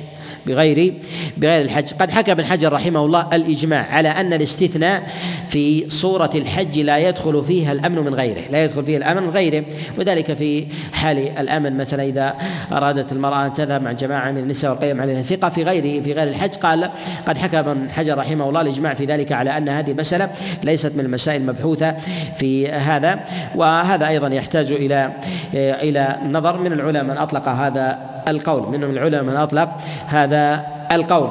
والشرط السادس في ذلك الحرية أن يكون حرا وليس بعبد ذلك أنه لا يملك نفسه وإنما يملكه ويملكه وليه. فمن حج وهو عبد أو حجت وهي أمة ثم أعتقت أو أعتق فيجب عليه حجة عليهما حجة أخرى. وذلك لما جاء في خبر عبد الله بن عباس وتقدم أيما عبد حجة ثم أعتق فعليه حجة حجة أخرى. وهذا قد حكي في ذلك أيضا عليه الاتفاق. كذلك أيضا هذه المسألة هي شبيهة بمسألة من بلغ في عرفة كالعبد الذي أعتق في يوم في يوم عرفة في يوم عرفة. والصورة في ذلك الصورة في ذلك في ذلك واحدة. ومن وجب عليه الحج وجب عليه أن يبادر لأن الحج على الفور على ما تقدم الإشارة إليه. وأن تأخير النبي صلى الله عليه وسلم في ذلك إنما كان لجملة من لجملة من التعليلات وقد تقدمت الإشارة الإشارة إليها. رسول الله صلى الله عليه وسلم بين للحاج آه، مواضع مواضع الإحرام وبين أيضا المتأكدات الواجبات وما يجب على الإنسان أن يجتنبه وما يجب عليه أن يفعله وما يستحب له وما كان بين ذلك من الأمور المباحة. كل ذلك مبين ويفهم ذلك إما ب بأنه من الأفعال أو أو ما تؤكده من الأقوال أو كذلك أيضا ما يفعله النبي صلى الله عليه وسلم ويتركه أو يفعله النبي ويفعل الصحابة خلافه أو يفعله النبي عليه الصلاة والسلام ويجري الصحابة عليه من غير خلاف أو يفعله النبي ويخالف فيه بعضهم في ذلك. هذا لها آثار من جهة تأكيد الفعل تأكيد الفعل وعدم تأكيده هذا من المسائل التي سنقف عليها بإذن الله تعالى. نقول إن الإنسان يجب عليه أن يكون إحرامه أن يكون إحرامه من المواضع وفي الأزمنة التي شرعها الله سبحانه وتعالى. فإن الله عز وجل قد جعل للحج أزمنة كما في قول الله جل وعلا الحج أشهر معلومات فمن فرض فيهن الحج فلا رفث ولا فسوق ولا جدال في الحج. وكذلك أيضا في قول الله جل وعلا يسألونك عن الأهلة قل هي مواقيت للناس والحج. يعني بها يعرفون دخول الحج وكذلك الوقوف بعرفة ويعرفون أيضا مواضع النسك في يوم النحر وكذلك أيضا في أيام التشريق. انقضاء الحج وابتدائه به يدركون بأمثال هذه الأهلة. الله سبحانه وتعالى قد جعل أشهر آه، الحج ثلاثة شوال وذا القعدة. وذا الحجة على خلاف عندهم. فذهب جماعة من العلماء إلى أن إلى أن ذا الحجة إنه إلى إلى عشر وما بعد ذلك لا يكون من أشهر الحج وإن وقعت أعمال الحج فيه وإن وقعت أعمال الحج فيه. وذهب إلى هذا جمهور العلماء ذهب إلى هذا جمهور العلماء وجمهور السلف. وقد جاء ذلك عن عبد الله بن عمر فيما رواه الدار قطني والبيهقي من حديث نافع عن عبد الله بن عمر أنه قال أشهر الحج شوال وذو القعدة وعشر من ذي الحجة. وتلا قول الله جل وعلا الحج أشهر معلومات. فمن فرض فيهن الحج فلا رفث ولا فسوق ولا جدال في الحج. وجاء ذلك أيضا عن عبد الله بن عباس فيما رواه مقسم عن عبد الله بن عباس بنحو هذا المعنى وقال به أيضا جماعة من الفقهاء من السلف على أن أن هذه أشهر الحج المقصودة في هذه الآية. فمن أراد الحج فليهل في أشهره. ومن أهل قبل أشهر الحج من أهل قبل أشهر الحج كالذي يهل الحج مثلا في رمضان. يهل الحج في رمضان. أو يهل الحج قبل غروب الشمس من آخر يوم من رمضان فدخل في نسك فدخل في نسك الحج دخل في نسك في نسك الحج. هل يقع ذلك هل يقع ذلك عن الحج؟ نقول اولا ينبغي أن يعلم أن المراد بالاتيان بالحج في أشهره هو عقد الإحرام في أشهر الحج. وعقد الإحرام في أشهر في أشهر الحج. لماذا؟ لأن بقية الأعمال فرغ منها أنها لا بد أن تكون في في أشهر الحج. وذلك مثلا في آه، الوقوف بعرفة والركن وهو ركن من أركان من أركان الحج. ما يتعلق بقية الأعمال دل الدليل على على جواز تأخيره على جواز تأخيرها. وذلك ما يتعلق آه، بمسألة من أخر الطواف أو أخر السعي وخلاف العلماء في ذلك. منهم من قال بجوازه ومنهم من قال بعدم جوازه يأتي الكلام والتدليل على هذه المسألة. ومن منها ما هي أعمال واقعة بعد عشر ذي عشر ذي الحجة. وذلك كرمي الجمار وكذلك أيضا في توسعة في رمي في النحر وكذلك أيضا في التوسعة في الحلق وكذلك في طواف الإفاضة وطواف الوداع واتساع هذا الأمر. في من قال إن اشهر اشهر الحج تتجاوز عشر ذي الحجة. فنقول لا بد من عقد النية في اشهر الحج. وأما من عقدها قبل ذلك فاختلف العلماء عليهم رحمة الله في نسكه. اختلف العلماء عليهم رحمة الله في نسكه منهم من قال إنه صحيح. النسك في ذلك صحيح ولو عقده قبل أشهر الحج ولكنه خالف السنة في ذلك. ذهب إلى هذا جمهور العلماء وهذا قول الإمام مالك وأبي حنيفة والإمام أحمد رحمه الله.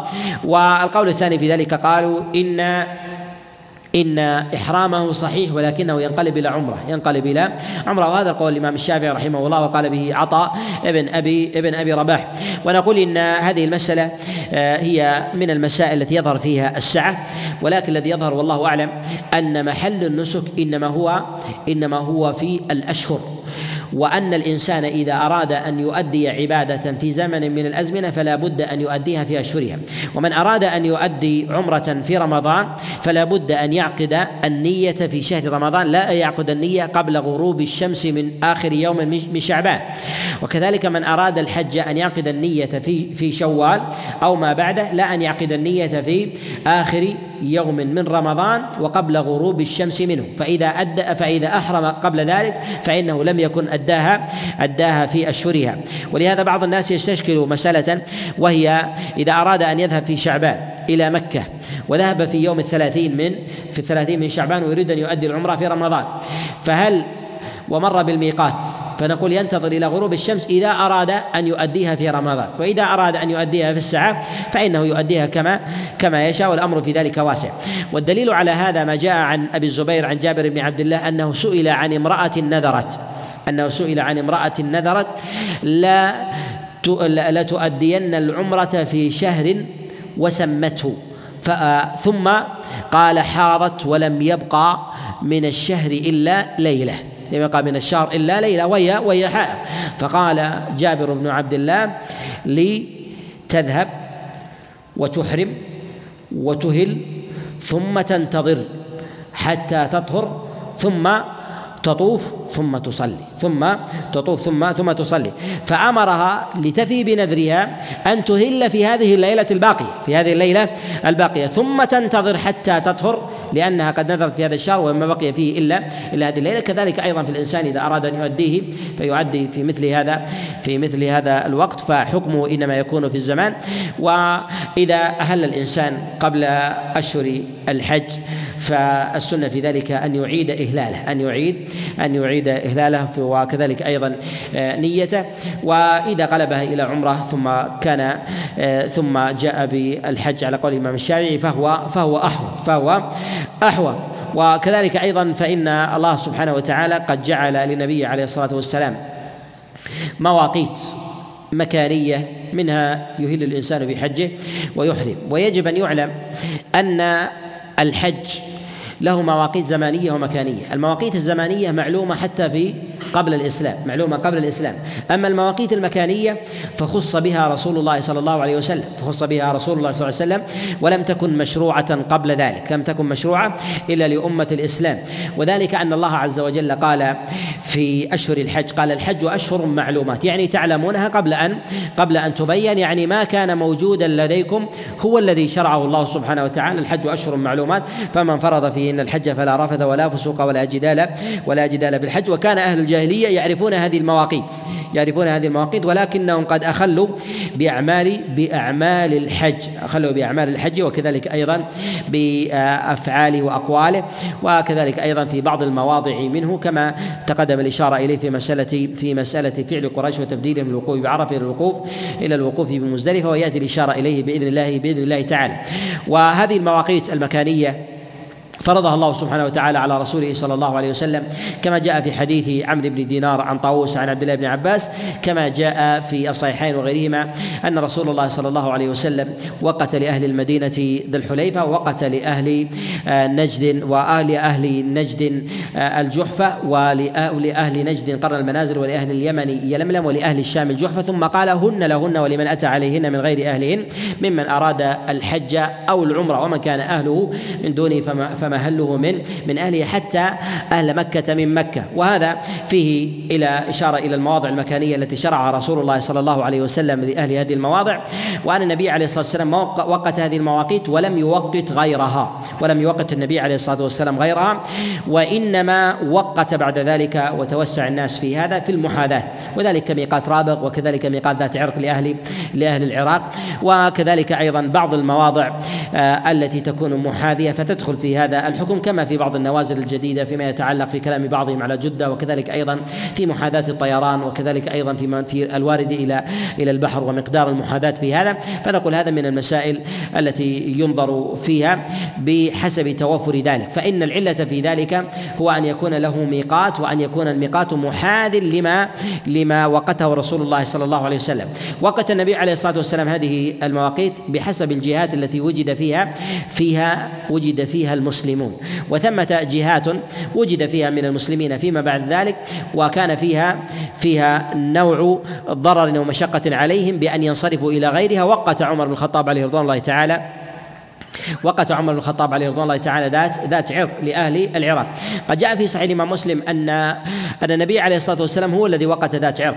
قد جاء في صحيح الإمام مسلم من حديث أبي الزبير عن جابر بن عبد الله قال أحسبه عن رسول الله صلى الله عليه وسلم. الراوي في ذلك ولا احسبه عن رسول الله صلى الله عليه وسلم.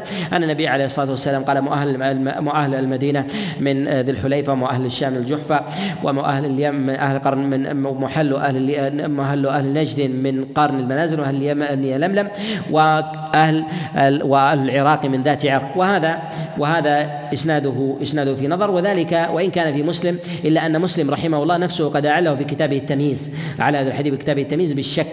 وذلك أنه رفعه وليس بمرفوع. والصواب أن الذي وقت لذات عرق هو عمر بن الخطاب عليه رضوان الله. وإن جاء عند ابن ماجه من حديث إبراهيم بن يزيد الخوزي عن أبي الزبير عن جابر بن عبد الله فذكره من غير شك. ولكن نقول إبراهيم بن يزيد الخوزي وضعيف الحديث وقد تفرد بهذا الجزم عند ابن ماجه في كتابه في كتابه السنن وجاء أيضا من وجه آخر من حديث أفلح آه، أفلح عن القاسم عن عائشة عليه رضوان الله تعالى أن رسول الله صلى الله عليه وسلم وقت ذات عرق وقد أنكر هذا الإمام أحمد رحمه الله. وقد جاء أيضا عند آه، من حديث عبد الرزاق عن مالك عن نافع عن عبد الله بن عمر أن النبي عليه الصلاة والسلام هو الذي وقت ذات عرق وهذا أيضا شاذ باعتبار أنه قد تفرد به عبد الرزاق عن مالك ولا يعرف هذا في حديث نافع عن عبد الله بن عمر. وإنما يرويه الجماعة في هذا كأيوب بن أبي تميم آه، السختياني وغيره يروونه عن نافع عن عبد الله بن عمر أن الذي وقت أن الذي وقت في ذلك هو عمر. جاء في البخاري من حديث نافع عن عبد الله بن عمر أن أهل العراق جاءوا إلى رسول الله صلى الله عليه وسلم فقالوا يا فجاءوا أن أهل العراق جاءوا إلى عمر بن الخطاب عليه رضوان الله فقالوا يا أمير المؤمنين إن رسول الله صلى الله عليه وسلم وقت لأهل نجد قرن المنازل وإنها جور عن طريقنا وإن إذا أردناها شق علينا شقت علينا قرن فوقت فقال عمر بن الخطاب انظروا حذوها فوقت لهم ذات عرق وهذا فيه نأخذ أن المحاذاة إنما فعلها عمر بن الخطاب عليه رضوان الله تعالى وذلك لأنها تحاذي تحاذي قرن المنازل فأصبح في ذلك قريبا المحاذاة. في ذلك هو أن تكون أن تكون مقاربة لا متوسطة بين ميقاتين لا متوسطة بين ميقاتين أن تكون محاذية لميقات واحد. وكلما ابتعد الإنسان عن الميقات اتسعت المحاذاة. فهذا معروف من جهة النظر ومعروف أيضا من جهة العرف عند العرب وكذلك أيضا في ظواهر الأدلة تعضده أنه كلما كلما ابتعد الإنسان اتسع جانب المحاذاة. يتأكد هذا ويتضح في حال الطواف أن الإنسان إذا أراد أن يطوف في طوافه إذا كان قريبا من جدار الكعبة فإن محاذاته للحجر تضيق. فربما لا يتم حجه لخطوة واحدة أو نصف خطوة لم يصل إلى الحجر. ولكن إذا كان بعيدا عن الحجر بمثلا عشرين بعشرين مترا فإن الخطوة في ذلك فإن الخطوة في ذلك تتسع. ف الإنسان يحاذي إذا كان بينه وبين شخص آخر خمس أمتار كل واحد منهم يرى أنه محاذي الكعبة. كل واحد منهم يرى محاذي الكعبة وهذا معلوم حتى في علم الهندسة أن الزاوية كلما اتسعت اتسعت كلما ابتعدت اتسعت وكلما قربت ضاء. ضاقت. وهذا كذلك أيضا في مسألة المحاذاة كذلك أيضا في مساله في مسألة الطواف كذلك أيضا في مسألة المواقيت. الفارق في هذا اليسير أنه لا حرج فيه ولا يكلف. الناس ما لا يطيقون في مسائل المسائل الحسابيه أو الاستدلال مثلا بالأنظمة الحديثة. مع طريق الأقمار أو غير ذلك بضبط أشياء مستقيمة ونحو ذلك. هذا قد يكون فيها مشقة وكلفة ما وجد في ذلك المحاذاة. وهي شبيهه بالتيسير الوارد في مسألة القبلة في مسألة القبلة ما بين المشرق والمغرب والمغرب قبلة. ما لم آه، ما لم يتسع الناس في ذلك اتساعا يهدر في هذا يهدر في هذا انضباط الحكم الشرعي في هذا. فنقول إن هذه المواقيت يجب على الإنسان أن يحرم منها. يجب على الإنسان أن يحرم أن يحرم منها. وثمة مسائل هي محل اتفاق عند العلماء وثمة مسائل هي محل خلاف في مسائل المواقيت وثمة مسائل متعددة في هذا. منها ما اتفق عليه العلماء أن أن هذه المواقيت أن هذه المواقيت لا تتجاوز لمن أراد الحج والعمرة واختلفوا في من أراد أن يتجاوزها إلى غيرها أن يتجاوزها إلى غيرها. غيره يعني تجاوز أهل صاحب المدينة الميقات فيذهب إلى الجحفة. يذهب إلى الجحفة وهو مريد العمرة. وهو مريد العمرة وهو مريد الحج. هل يجوز له ذلك أم لا؟ ذهب جمهور العلماء إلى عدم جواز ذلك له. إلى عدم جواز لا ما دام أنه قد قصد الحج أو العمرة فإنه لا يتجاوز الميقات الذي مر به إلا وهو محرم. ولو أراد أن يذهب إلى ميقات آخر. ذهب الإمام مالك رحمه الله إلى أنه يجوز للإنسان أن يتجاوز الميقات إلى ميقات آخر. يتجاوز الميقات إلى ميقات إلى ميقات آخر ولو مر بالميقات الأول وهو يريد في ذلك في ذلك العمرة. ما دام أنه لن يعقد النية إلا من إحرام. أن يعقد النية إلا إلا من من إحرام. من منع قالوا أن هذا فيه مخالفة لظاهر الدليل كذلك أيضا فيه إحرام من غير الجهة الذي التي شرع لأجلها ذلك الميقات. قالوا وإذا توسع في هذا فإن الإنسان ينتقل من ميقاته إلى ميقات لا يجوز له لو قيل بالاضطراد أن يحرم منه. كأن يذهب الإنسان مثلا من المدينة ويذهب إلى شخص مثلا في نصف الطريق. ومهل هذا الرجل من بيته مهل هذا الرجل من من بيته. أن يأتي إليه وعمد هو أن لا يتجاوز ذلك إلى إلا إلا يتجاوز هذه أو قاصدا تلك الجهة إلا لحج وعمرة. فهل يجوز له أن يحرم من بيت شخص بين هذه بين مكة وبين المواقيت؟ قالوا إذا قلنا له بالجواز فإنه يلزم يلزم من ذلك يلزم من ذلك الاضطراد حتى لو أراد أن يذهب إلى مكة أن يحرم من ميقات المكي. أن يحرم من ميقات من ميقات المكي. قالوا فتلك المواقيت هي لأهلها كما أن المكي له ميقات ومن كان في منتصف الطريق فله ميقات. فمن تجاوز هذا إلى هذا فقد قصد مخالفه ذلك ولهذا ذهب جمهور العلماء إلى أنه لا يتجاوز إلى لا يتجاوز إلى إلى غيره. ومنهم من قال أن الساعة في هذا قالوا وذلك أنه قد جاء في حديث عبد الله بن عباس قال هن لهن ولمن أتى عليهن من غير أهلهن من غير من غير أهلهن. وتعقب ذلك أن قوله عليه الصلاة والسلام من غير أهلهن قيد بذلك من أتى عليهن من غير أهلهن. يعني أتى هو أصلا إلى هذا وما جاء قاصدا هذا الميقات. كمثلا المصري الذي يأتي مثلا من جهة العراق أو اليماني الذي يأتي من جهة من جهة نجد هو أتى من هذه الجهة ولو كان أهله لأنه استدار من هذه الجهة قاصدا لعلة من العلل فنقول إنه قيد بهذا لأنه قد جاء ولو لم يكن من أهلها لو لم يكن من هذا وفي هذا نوع من التوسعة ألا يتعمد الإنسان بالذهاب إلى ميقاته. ومنهم من قال إن إذا قلنا أن اليماني قد رخص له أن أن يهل من ميقات الشامي أو من ميقات النجدي أو من ميقات مثلا العراقي. فإذا رخصنا له في ذلك دليل على أنه يجوز له أن يجاوز ميقات الشام الذي مر به يريد العمرة إلى ميقاته الأصلي ليرجع منه. فالرخصة في ذلك دليل على جواز العمل الأصلي دليل على جواز العمل الأصلي. ولو استدار الشامي إلى إلى جهة اليمن ثم مر على يلملم قالوا فكما رخصت الشريعة له أن يحرم من ميقات من ميقات أهل اليمن. ولو لم يكن منه فإن هذا دليل على أنه يجوز له أن يذهب إلى ميقاته الأصلي ويتجاوز اليماني ويأتي ويأتي منه وأن المقصد في ذلك هو دفع المشقة. أن المقصد في ذلك هو دفع المشقة. هي تعليلات للعلماء في هذه في هذه المسألة وتحتاج مزيد مزيد وتحتاج إلى مزيد نظر نظر وتعمل وهذه المواقيت لا يتجاوزها الإنسان لمن قصد الحج والعمرة إلا بميقا إلا بإحرام. سواء كان ذلك للحج أو للحج أو العمرة. ومن كان من دون هذه المواقيت فمهله من بيته يحرم من مكانه. آه، ولو كان ثمة ميقات دونه ومعلوم أن أبعد المواقيت في ذلك هو ميقات أهل المدينة. وميقات المدينة وذا الحليفة. فإن الإنسان لو كان من جهة مكة أقرب منه وثمة مواقيت أقرب منه بكثير فإن أقربه هو قرن المنازل وكذلك أيضا آه، من جهة يلملم وذات عرق. فإن هذه المواقيت مواقيت قريبة مواقيت قريبة. فلو كان قريبا فإنه يحرم كذلك باعتبار أن هذا هو الميقات الذي الذي هو هو فيه. كذلك أهل مكة يحرمون منها. وأهل مكة على على حالين من جهة المناسك إما معتمرون وإما حجاج. أما العمرة فإنها فإنها الأظهر أنها لا تشرع للمكيين. أنها لا تشرع للمكيين. وإنما عليهم الحج ولهم الطواف. يطوفون ويطوفون ويصلون خلف المقام وهكذا فكل سبع يؤدونه يصلون له ركعتين. أما العمرة فإنهم لا يعتمرون ليس عليهم عمرة كما جاء ذلك عن عبد الله بن عباس وعطاء. جاء عبد الله بن عباس و وعطاء. أما من كان من أهل الآفاق وجاء إلى مكة ثم نوى عمرة فإنه يحرم من الحل. فإنه يحرم من أهل من الحل. وأما قول النبي عليه الصلاة والسلام حتى أهل مكة من مكة فهذا الإطلاق هل هو إطلاق تام يدخل فيه الحاج والمعتمر المكي أم لا؟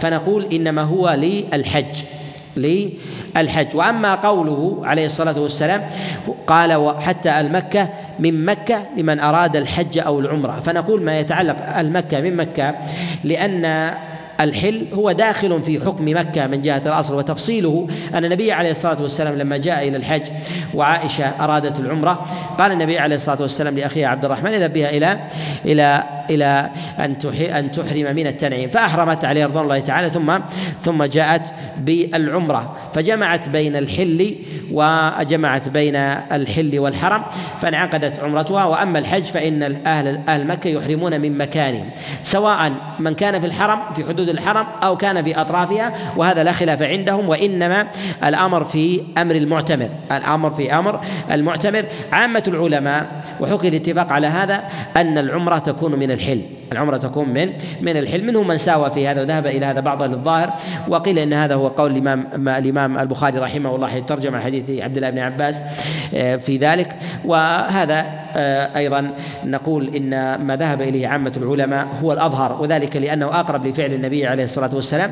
وحديث عبد الله بن عباس عام وحديث عائشة عليه رضوان الله تعالى مفصل ومبين ومخرج للعمرة عن حكم عن حكم عن حكم الحج بالنسبة بالنسبة للمكي أما أهل مكة فالسنة لهم أن يطوفوا وأما العمرة فإنها للآفاقيين فإنها للآفاقيين. ولهذا نجد أن المكي أن المكي لا يجب عليه لا يجب عليه تمتع لا يجب عليه تمتع. لماذا؟ لأن يلزم التمتع على الاتيان ب الاتيان بالعمرة.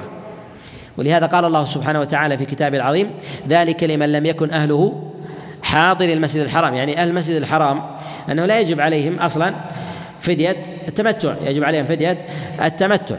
يجب عليهم فدية التمتع. وأما من آه، من وجب عليه فإنه حينئذ يؤدي ذلك يؤدي ذلك على ما أوجبه الله سبحانه وتعالى. ومن أوجب العمرة على نفسه فهل يدخل في حكم الآفاق بالصيام؟ إذا لم يجد آه، لم يجد هديا أم لا؟ يأتي الكلام على هذه المسألة بإذن الله تعالى في موضعه. ونقول إن من آه، أراد الحج فيحرم من هذه المواقيت وجوبا. وأما المسائل الخلافية في ذلك في إحرام الإنسان قبل الميقات أن يحرم الإنسان قبل الميقات كالذي يحرم احتياطا مثلا بالطائرة ويحرم من بلده ولا يدري متى يصل ويخشى أن يكون نائما أو كان مع غافلة أو قافلة ويخشى أن تمر بالميقات ولم يكن مدركا أو نحو ذلك. أو يريد أن يحرم من بلده احتسابا لمثلا أو اقتساء بما جاء عن بعض السلف. فنقول إن السنة أن يحرم من الميقات لظواهر الأدلة أن يحرم من الميقات لظواهر لظواهر الأدلة. وأما ما جاء عن بعض السلف من استحباب استحباب ذلك وحملا لقول النبي لقول الله جل وعلا وأتموا الحج والعمرة لله. قالوا إن المراد بذلك أن يهل بها من دويرة أهله من دويرة أهله. جاء ذلك عن علي بن أبي طالب فيما رواه البيهقي وغيره من حديث عمرو عن عبد الله بن سلمة عن علي بن أبي طالب عليه رضوان الله تعالى أنه قال في قول الله جل وعلا وأتموا الحج والعمرة لله قال أن تحرم بها من دويرة أهلك. وروي هذا عن عمر بن الخطاب عليه رضوان الله تعالى. ونقول إن المراد بذلك في قول الله جل وعلا وأتموا الحج والعمرة لله يعني يعني أن يأتي الإنسان بما أمر الله عز وجل به تاما سواء كان من الواجبات والأركان والمستحبات. ومن المستحبات أن ينشئ الإنسان كل نسك بسفر منفرد بسفر منفرد. يأتي بالعمرة منفردة ثم يأتي بالحج فيسقط الواجب الذي وجب عليه. وليس المراد بذلك أن يأتي بها من بيته. فهذا تحميل لقول بعض السلف في ذلك على ما لا يحتملون. ان قول علي بن أبي طالب عليه عليه رضوان الله أن تحرم بهما من دويرة أهلك يعني بكل واحد منها تأتي قاصدا. لا أن تأتي الإنسان بالنسك أن يأتي الإنسان بالنسك. ولو كان ذلك أفضل لأهل النبي عليه الصلاة والسلام من المدينة. والله عز وجل قد أمرنا بالاقتداء به وفي قول النبي عليه الصلاة والسلام لتأخذوا عني مناسككم وقد أهل من هذه المواقيت.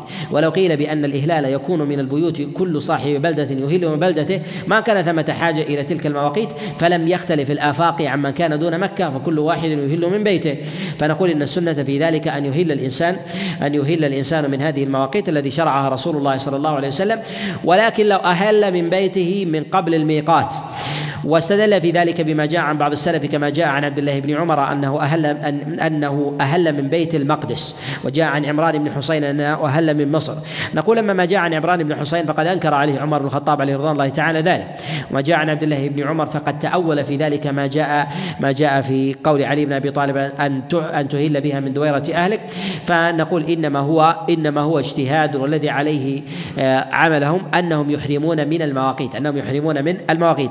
ومن أهل من قبل الميقات ومن أهل من قبل الميقات فعامة العلماء على صحة إهلاله وأنه يحرم عليه ما يحرم على على سائر على سائر المحرمين من المواقيت. فالذي يهل من دمشق أو من بغداد أو من القاهرة أو يهل من المسجد الأقصى أو من صنعاء أو من أي بلد من بلدان المسلمين. فأهل وعقد النية حرم عليه ما يحرم على سائر الحاج ولا خلاف عندهم في ذلك. ولا خلاف عندهم في في ذلك. وأن إحرامه صحيح وأن إحرامه صحيح. و أبن حزم الظاهري رحمه الله يقول إن الإحرام في ذلك باطل حتى يجدد النية إذا مر بالميقات وإنما وإذا لم يجددها فإنه ينتقل في ذلك ينتقل في ذلك أو يرجع إلى ليجدد ليجدد إحرامه من تلك من تلك المواقيت وأخذا بظاهر الأدلة عن النبي عليه الصلاة والسلام. من ما جاء في حديث عبد الله بن عباس في قول النبي عليه الصلاة والسلام هن لهن ولمن أتى عليهن. يعني ليس للإنسان أن يحج إذا أتى على غيرها إلا ما كان في حكمها ممن ممن هو ممن ممن هو هو محاذيا وهذه هذه المواضع التي حدها الله عز وجل لرسول الله صلى الله عليه وسلم هي من خصائص هذه الأمة. هي من خصائص هذه هذه الأمة. الأمة وهي من الأنساك. وهل كانت الأمم في السابق يهلون ويحرمون موضع معين أو من بيوتهم؟ الأظهر والله أعلم أنهم كانوا يهلون من بيوتهم. أنهم كانوا يهلون من بيوتهم. ومن كان من الشام يهل من بيته. ومن كان من صنعاء يهل من صنعاء. وكل يهل من موضعه. وأما هذه المواضع فإنما هي خاصة بهذه الأمة. شرع الله عز وجل كما هو ظاهر في حديث عبد الله ابن عباس عليه رضوان الله تعالى. و لا فرق بين الراكب والماشي على ما تقدم الإشارة إليه وقد حج النبي عليه الصلاة والسلام راكبا وإن حج إبراهيم وإسماعيل كما جاء كما جاء في ذلك عن مجاهد بن جبر أنهما حج ماشيين. وأما ما جاء عن عبد الله بن عباس عليه رضي الله تعالى قال لم آسف على آسى على شيء إلا على حج على حج آه، راكبا. يعني يريد أن يحج ماشيا وهذا إسناده ضعيف عن عبد الله بن عباس عليه رضوان الله. نقول إن الأفضل في ذلك هو ما كان أيسر لعمل الحاج. إذا كان الأيسر في أداء المناسك لك أن تركب فاركب لأنك لا تفوت عملا ظاهرا قد دل الدليل عليه لأمر لم يدل عليه الدليل. فتتأخر عن الوقوف بعرفة لأجل المشي أو تتأخر ويطوفك المبيت لتريد في ذلك في ذلك المشي. والسنة في ذلك أن تأتي بأداة العبادة في الزمن الذي جاء النبي عليه الصلاة والسلام سواء كان ذلك أو راكبا أو راكبا أو ماشيا. وكل ذلك كان من من النبي عليه الصلاة والسلام في أعماله. ربما ركب وربما أقر أصحابه على المشي وربما مشى رسول الله صلى الله عليه وسلم فالأمر في ذلك على السواء والأمر في هذا حكايه في قول الله جل وعلا يأتوك رجالا رجالا يعني يمشون وركبانا يعني أنهم إما يركبون وإما يمشون فالأمر في ذلك على التخير وهي حكاية حكاية حال لا تفضيل على شيء في ذلك آه، على شيء في ذلك لظاهر الأدلة. وهذه المواقيت منها يعقد الإنسان النية وهي الركن الأول من أركان الحج. الركن الأول من أركان الحج. والنية هي التي يعبر عنها العلماء بقوله يحرم أو أحرم أو يجب عليه الإحرام. يعني يدخل الإنسان بالنسك. وذلك لقول النبي عليه الصلاة والسلام كما جاء في الصحيحين من حديث عمر بن الخطاب. قال عليه الصلاة والسلام إنما الأعمال بالنيات وإنما لكل امرئ ما نوى. فيجب أن يحرم بهذه هذه المواضع وأن يعقد النية. فالنية وعقدها بالنسك ركن. وأما لبس الإحرام والتجرد من المخيط فإن ذلك من الواجبات فإن ذلك من من الواجبات. ومن تعذر عليه آه، عقد النية بالمواقيت فإنه يعقدها في أي موضع في أي موضع وهو معذور كحال الإنسان الذي تجاوز الميقات ثم شق عليه الرجوع ولم يرجع إما لقافلة أو طائرة تجاوزت أو مثلا مع قافلة أو قاطرة لا يستطيع أن يرجع أن يرجع بمن معه فإنه حينئذ من مكانه. واختلف العلماء في ذلك في وجوب الدم عليه في وجوب الدم عليه والأرجح هو عدم وجوب الدم الدم عليه. وسواء كان مستطيعا أو ليس بمستطيع ويأثم إذا كان مستطيعا. مستطيعا ويأثم إذا كان مستطيعا ويتفق العلماء على أن من ترك واجبا أو ارتكب محظورا من محظورات الإحرام أو فعل معصية في حجه أن حجه ليس بمبرور ولا يأتي عليه قول النبي صلى الله عليه وسلم كما جاء في الصحيحين من حديث أبي هريرة الحج المبرور ليس له جزاء إلا الجنة. في قول النبي عليه الصلاة والسلام العمرة إلى العمرة كفارة لما بينهما. والحج المبرور ليس له جزاء إلا الجنة. وكذلك أيضا في قول النبي عليه الصلاة والسلام في الصحيحين من حديث أبي هريرة قال من حج فلم يرفث ولم يفسق خرج من ذنوبه كيوم ولدته أمه. أنه لا يدخل تحت هذا تحت هذا الحكم. فمن ترك واجبا متعمدا. من غير عذر. أو ارتكب محظورا كذلك فإنه لا يكون حجه مبرورا. وكذلك أيضا من ارتكب معصية كبيرة أو صغيرة حجه ليس بمبرور. وإذا كانت حجة الإسلام فإنها تسقط عن حجة الإسلام. وبمقدار إتيان الإنسان بأمر الله وامتثاله لشرعه. وما جاء النبي عليه الصلاة والسلام فإنه يتحقق له في ذلك في ذلك الأجر. وذلك في قول الله سبحانه وتعالى فمن تعجل في يومين فلا إثم عليه ومن تأخر فلا إثم عليه لمن اتقى. يعني من اتقى الله فيما بقي من أحكام الإسلام في من أحكام الحج عليه أن يتقي الله وأن قضية التعجيل أو التأخير عفو من الله لا إثم على الإنسان لمن اتقى يعني اتقى في بقية الأعمال فإن حجه في ذلك حجه في ذلك آه، تام ويؤجر عليه ويلحق في ذلك التبعة تبعة الفضل في ذلك وتكفير آه، الذنوب والرحمة من الله سبحانه وتعالى. وأما بالنسبة للأعمال التي يفعلها الإنسان نقول النبي عليه الصلاة والسلام حينما جاء إلى ذي الحليفة بكر النبي عليه الصلاة والسلام قبل إحرامه يوما فبقي النبي عليه الصلاة والسلام بذي الحليفة فصلى النبي عليه الصلاة والسلام بذي الحليفة صلاة الظهر والعصر صلى النبي عليه الصلاة والسلام بالمدينة الظهر ثم ثم انصرف فصلى بها العصر والمغرب والعشاء والفجر ثم صلى الظهر بذي الحليفة ثم بعد صلاة الظهر أحرم النبي عليه الصلاة والسلام. أحرم النبي عليه الصلاة والسلام. والصحيح أن إحرامه كان بعد صلاة الظهر وإن وقع في ذلك خلاف لكن الأظهر أنه صلى أنه كان بعد صلاة الظهر كما جاء في ذلك عن عبد الله بن عمر عليه رضوان الله في صحيح الإمام البخاري. وظاهره كذلك أيضا في حديث عبد الله بن عباس قد جاء من وجه آخر من حديث أبي حسان عن آه، من حديث أبي حسان عن عبد الله بن عباس عليه رضوان الله تعالى. ونقول إنما تأخر النبي عليه الصلاة والسلام في ذلك في آه، في ذي الحليفة ولم يحرم وينصرف. يريد أن يأتي الناس ويفدوا إليه إما بقايا أهل المدينة أو مكان من أطرافها حتى يقتدوا بفعله من ابتداء أمره من ابتداء أمره حتى يفقهوا المناسك عنه. حتى يفقهوا مناسك عنه ولهذا من أضبط الأعمال الحولية التي جاءت عن النبي عليه الصلاة والسلام ضبطا واحكاما في النصوص هي مناسك الحج مع أن النبي ما فعلها إلا ما فعلها النبي عليه الصلاة والسلام بعد هجرته إلا إلا مرة واحدة. ومع ذلك جاءت النصوص على أصح الوجوه وذلك لأن النبي عليه الصلاة والسلام قد تأخر فيها وتداعى الناس إليها حتى اجتمعوا بذو الحليفة ثم أهل النبي عليه الصلاة والسلام. أهل النبي من موضعه يعني أحرم من موضع الصلاة. لما سلم من الصلاة دخل في نيته عليه الصلاة والسلام. وهذه الصلاة التي أداها النبي عليه الصلاة والسلام هي صلاة الظهر. وقد جاء في صحيح البخاري من حديث عبد الله بن عمر أن النبي عليه الصلاة والسلام قال قال أتاني آت من ربي أن صلي في هذا الوادي المبارك وقل عمرة في حجة. وجاء ذلك أيضا في حديث عمر بن الخطاب عليه رضوان الله عن رسول الله صلى الله عليه وسلم. والإتيان في ذلك أتاه في المنام جبريل ورؤيا النبي وحي أن صلي في هذا الوادي المبارك وقل عمرة في حجة.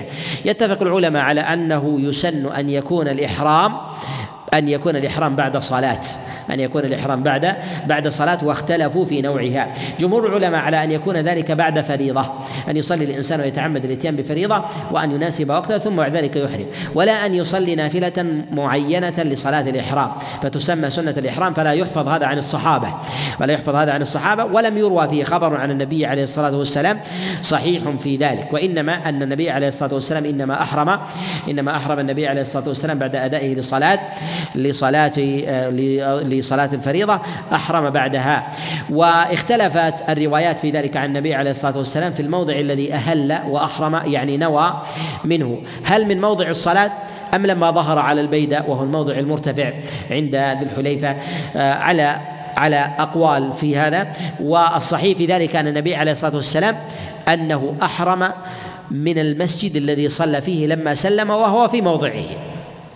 وإنما الخلاف في ذلك أن الصحابة عليهم رضوان الله كانوا كثير. وما كل أحد قريب والأقرب هو الذي نقل والأدق. منهم من كان بعيدا لا يرى ما يقوله وهو قريب عليه الصلاة والسلام. فلما برز النبي على البيداء رآه الأكثر فقالوا أهل وهو على البيداء بينما هو أقل بينما هو أهل قبل ذلك. ومن علم حجة على من لم يعلم. ولهذا جاء في البخاري من حديث عبد الله بن عمر عليه عليه رضوان الله أنه قال أو أشار إلى البيداء قال بيداءكم هذه التي تكذبون بها على رسول الله صلى الله عليه وسلم إنما أهل النبي عليه الصلاة والسلام من عند الشجرة في المسجد بعدما صلى. يعني هل النبي عليه الصلاة والسلام في هذا الموضع. ولهذا جاء عند البيهقي وغيره من حديث خصيف عن مقسم عن عبد الله بن عباس قال إنما اختلف أصحاب رسول الله صلى الله عليه وسلم أنهم كانوا كثير.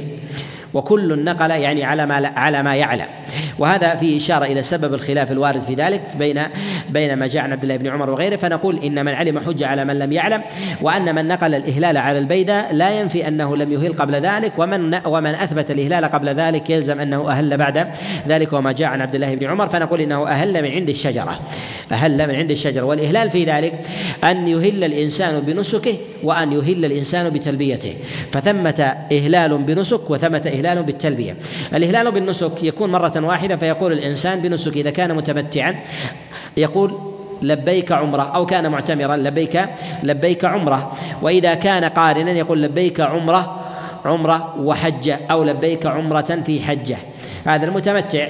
وإذا كان إذا كان قارنا يقول لبيك عمرة وحجة أو لبيك أو لبيك عمرة في حجة وإذا كان مفردا يقول لبيك حجة فهذا هو الإهلال بالنسك.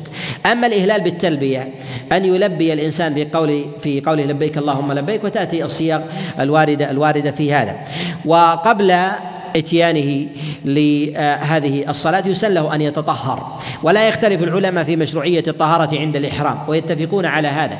بل بعضهم يجعل الطهارة للإحرام آكد من الطهارة للجمعة كما جاء ذلك عن الإمام مالك رحمه الله. بل بعض السلف يجعل الطهارة والاغتسال للإحرام أنه واجب ويوجب على من تركه دم كما روي ذلك عن عطاء وفي إسناده ضعف وروي ذلك عن الحسن البصري كما جاء عن كما جاء عند ابن عبد البر رحمه الله أنه قال لا أعلم من أوجب أوجبه إلى الحسن. يعني يعني الغسل عند الإحرام الصواب أنه سنة وهو متأكد. وقد وقد اغتسل النبي عليه الصلاة والسلام وحث على الاغتسال. حث النبي عليه الصلاة والسلام على الاغتسال. فقد حث من لم يستحل العبادة وهي أسمى. كما جاء في البخاري من حديث جابر لما نفست وولدت أمرها النبي عليه الصلاة والسلام بالاغتسال. ومعلوم أن النفس لا تجب عليها صلاة ولا يجب عليها صيام. فأي شيء تستحل مما يدل على أن العبادة هنا وهي الإحرام والدخول في النسك يحتاج إلى اغتسال منفرد يحتاج إلى اغتسال منفرد وأنه سنة. وقد جاء في حديث بكر بن عبد الله المزني عن عبد الله بن عمر أنه قال من السنة أن يغتسل أن يغتسل المحرم عند إحرامه. وقد جاء النبي عليه الصلاة والسلام اغتسل بنفسه ولكن يغتسل اغتساله اغتساله باقتداء الصحابة عليهم رضي الله تعالى به وكذلك أيضا في اغتسال آه، الأئمة عليهم رحمة الله وحكايتهم الاتفاق في هذا من الصحابة والتابعين وأتباعهم جاء في ذلك آه، في جاء من حديث ابن أبي الزناد عن أبيه عن خارج بن زيد بن ثابت عن أبيه أن النبي عليه الصلاة والسلام تجرد الإهلال واغتسل وإسناده ضعيف قد عله غير واحد من العلماء. لكن نقول هذه المسألة هي محل اتفاق هي محل اتفاق. ومن لم يستطع الاغتسال يتيمم أم لا؟ بعضهم قال بتيممه وقال الإمام الشافعي رحمه الله وصواب في ذلك أن الاغتسال مقصود لذاته. وهو التطهر والتنظف وليس المراد بذلك هو الاستباحة لأن المرأة إذا كانت نفساء أو حائض فإنه يستحب أن تغتسل لكن هل تتيمم تتيمم لماذا؟ لأنها لا تستحل شيء فالمقصود بذلك هو التطهر وتطيب لمثل هذا لمثل هذا العمل ويستحب له أن يأخذ من شعره وظفره وأن يستحد وكذلك من وكذلك أن يأخذ إبطة وهذا يؤخذ من جملة من القرائن.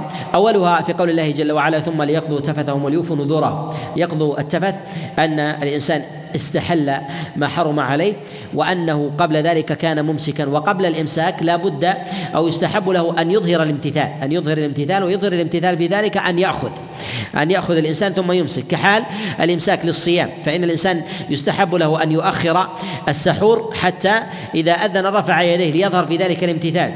كذلك أيضا بالنسبة للفطر للفطر. فإنه فإنه إذا أذن تناول لهذا جاء استحباب تأخير السحور وتعجيل الفطر ليظهر فيها الامتثال. قال ثم ليقضوا تفثهم وليوفوا نذورهم. كما يستحب أن يأخذ من شعره ويتحلل يوم النحر ليظهر التعبد ليظهر التعبد كذلك يستحب له أن يظهر الإمساك. فكأني أخذت ثم أمسكت. ولهذا جاء عن إبراهيم النخعي أنه قال كانوا يستحبون أن يأخذوا من أشعارهم من أشعارهم وأظفارهم عند عند الإحرام عند الإحرام. وهل يأخذ الإنسان من شعر رأسه؟ أم لا؟ معلوم أن الإنسان آه، أن الإنسان يستحب آه، أو من نسكه إذا تحلل أن يأخذ من شعر من شعر رأسه أن يأخذ الإنسان من شعر رأسه. إذا كان الإنسان يأتي إلى المناسك سريعا. وذلك في زماننا الآن السرعة السرعة ظاهرة سواء كان ذلك في الطيارات والسيارات في السابق يأتون على الرواحل وعلى الأقدام. يأتي يحلق آه، يحلق شعره في الميقات ويصل وقد نبت منه شيئا قد نبت منه شيئا. الآن لو حلقه صفرا ثم ذهب إلى المناسك ما هل هل يخرج ولا يخرج؟ ربما لساعتين أو ثلاث ساعات ينتهي النسك. أليس كذلك؟ نعم. هل يستحب له أن يحلق ولا يبقي من شعره شيء؟ أم لا؟ نقول لا يستحب له هذا إذا كانت حاله ذلك. لماذا؟ لأن الأخذ عند التحلل آكد من الأخذ عند الإحرام. من التحلل عند آكد من الأخذ عند الإحرام. ومن غلب على ظنه طول الوقت فنقول حينئذ أنه لا حرج عليه أن يأخذ. لهذا كره بعض السلف الأخذ من الشعر لأنه يظهر فيه الشعث كما جاء عن سعيد بن المسيب وغيره. كما جاء عن سعيد بن المسيب وغيره أن يأخذ الإنسان من شعر رأسه حتى يبقيه لي ليوم النحر حتى يظهر فيه آه، يظهر آه، فيه أخذ النسك وكذلك أيضا يظهر فيه فيه التعبد. يأخذ الإنسان من شعره وظفره وكذلك يستحيد ويأخذ من إبطه آه، في ذلك وذلك على ما تقدم فيه الامتثال. وكذلك أيضا ما جاء عن السلف يؤكد هذا يؤكد هذا المعنى يؤكد هذا المعنى. ثم أيضا مقتضى الاغتسال والتنظف والتطهر ومقتضى ذلك أن الإنسان يأخذ من ظفره وكذلك أيضا آه، من آه، ويأخذ الإنسان من من شعره. ثم بعد ذلك يصلي الصلاة التي تقدم الإشارة إليها. وأما من قال بأن للإحرام سنة فلم يعتمد على دليل إلا ما جاء عن النبي عليه الصلاة والسلام في الصحيح. أن صلي في هذا الوادي المبارك وقل عمرة في حجه فالنبي عليه الصلاة والسلام في هذا الإطلاق في أمر الله له فسره بفعله. فصلى الظهر ثم من مكانهم. فالمراد بصلي في هذا الوادي المبارك هي الصلاة هي الصلاة الصلاة التي أمر بها وهي صلاة الظهر. فجاءه ذلك وهو بالمعرس عليه الصلاة والسلام. المراد المعرس هو المبيت في آخر في آخر الليل. فصلى النبي الظهر ثم أهل عليه الصلاة والسلام و صعد النبي عليه الصلاة والسلام على راحلته ثم على البيدة جاء في حديث عبد الله بن عباس عليه رضوان الله تعالى أن النبي عليه الصلاة والسلام أن النبي عليه الصلاة والسلام أشعر بدنه وقلدها نعلين ثم سلتها من صفحته اليمنى ثم ركبها ثم ثم ركب النبي عليه الصلاة والسلام ناقته ثم كان على البيداء فأهل بتلبيته أهل النبي عليه الصلاة والسلام بتلبيته. وهذا فيه شرع على ما تقدم أن الخلاف الوارد في ذلك أنه من رأى من كان قريبا ومن علم حجة على من لم يعلم. والتلبية التي كان النبي عليه الصلاة والسلام يلبيها يقول لبيك اللهم لبيك لبيك لا شريك لك لبيك إن الحمد والنعمة لك والملك. سواء لبى بهذه التلبية أو لبى بغيرها فكل ذلك فكل ذلك حسن. لأنه ثبت أن النبي يلبي بهذه التلبية وثبت أن الصحابة يلبون بغيرها. كما جاء في حديث جابر بن عبد الله أن رسول الله صلى الله عليه وسلم كان يلبي بتلبيته التي يلبي بها وكان الناس يلبون بالذي يلبون به. إشارة إلى أن ثمه تغاير في هذا التلبية. والتلبية التي وردت عن النبي عليه الصلاة والسلام هي ما تقدمت. والصحابة قد جاء عن جماعة منهم أنهم كانوا يلبون.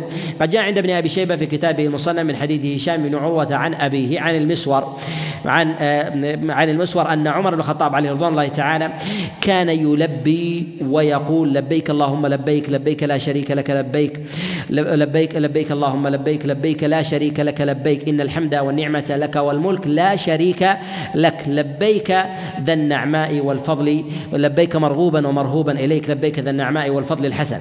فهو يلبي بتلبية النبي عليه الصلاة والسلام ثم يضيف إليها هذه التلبية لبيك مرغوبا ومرهوبا إليك. لبيك ذا النعماء والفضل الحسن.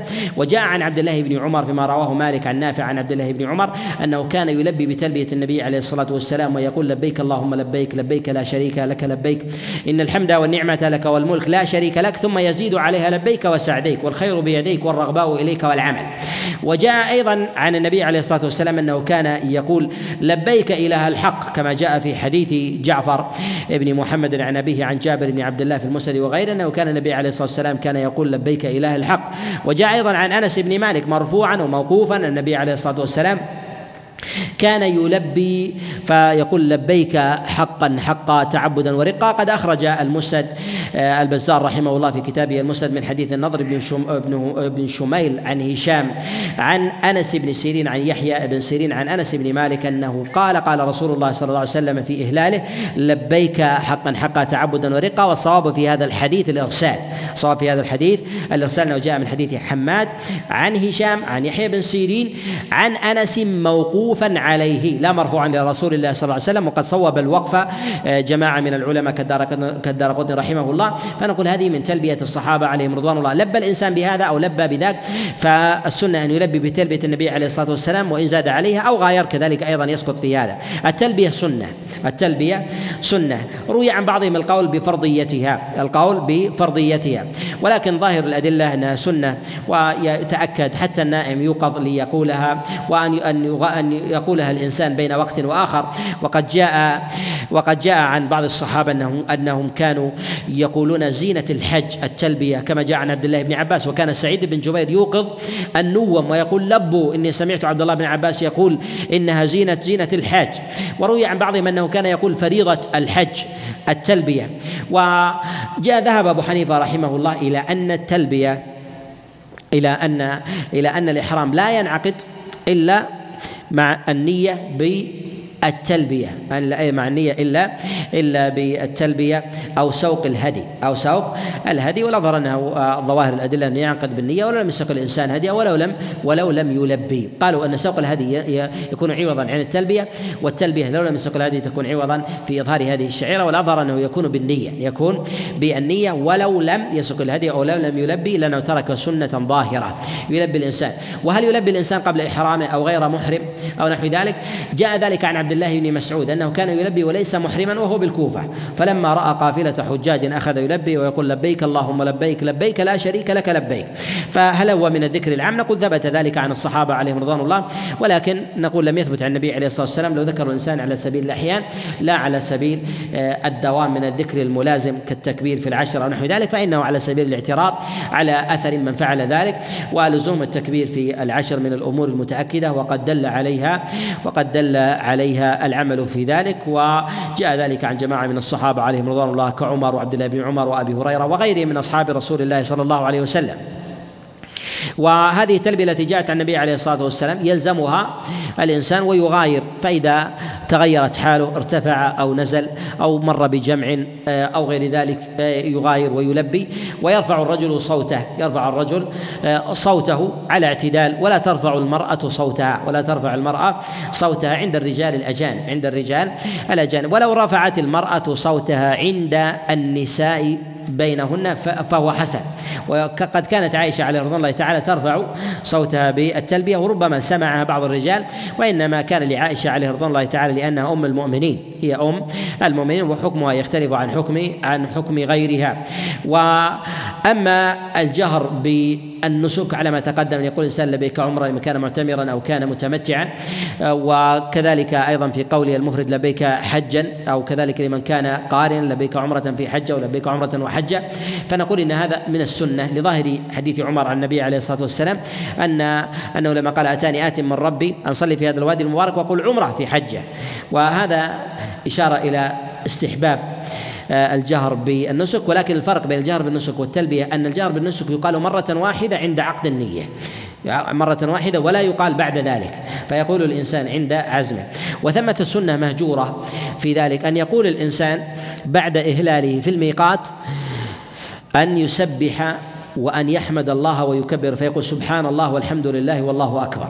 سبحان الله والحمد لله والله أكبر. جاء ذلك في صحيح البخاري عن رسول الله صلى الله عليه وسلم أنه قال قبل إهلاله على البيدة أن النبي عليه الصلاة والسلام سبح وحمد الله وكبره. يعني أنه يهل يهل في في موضع صلاته ثم يسبح ويهل ويكبر ثم يهل وهو على البيدة ثم ثم يسير. فيتخلى تهليله تسبيح وتحميد و وتحميد وتبكير وأما ما يتعلق باعمال بأعمال آه هذا الموضع من جهة ما يجب على الإنسان أن يتقيه. وهي محظورات الإحرام وكذلك أيضا واجبات آه، الحج والأعمال المتبقية. نتكلم عليها بإذن الله عز وجل في الغد في المجلس الثاني من هذه المجالس والأخير وأسأل الله عز وجل لي ولكم التوفيق والسداد وأن ينفعنا بما سمعنا وأن يجعل حجة لنا لا علينا. وصلى الله وسلم وبارك على نبينا محمد.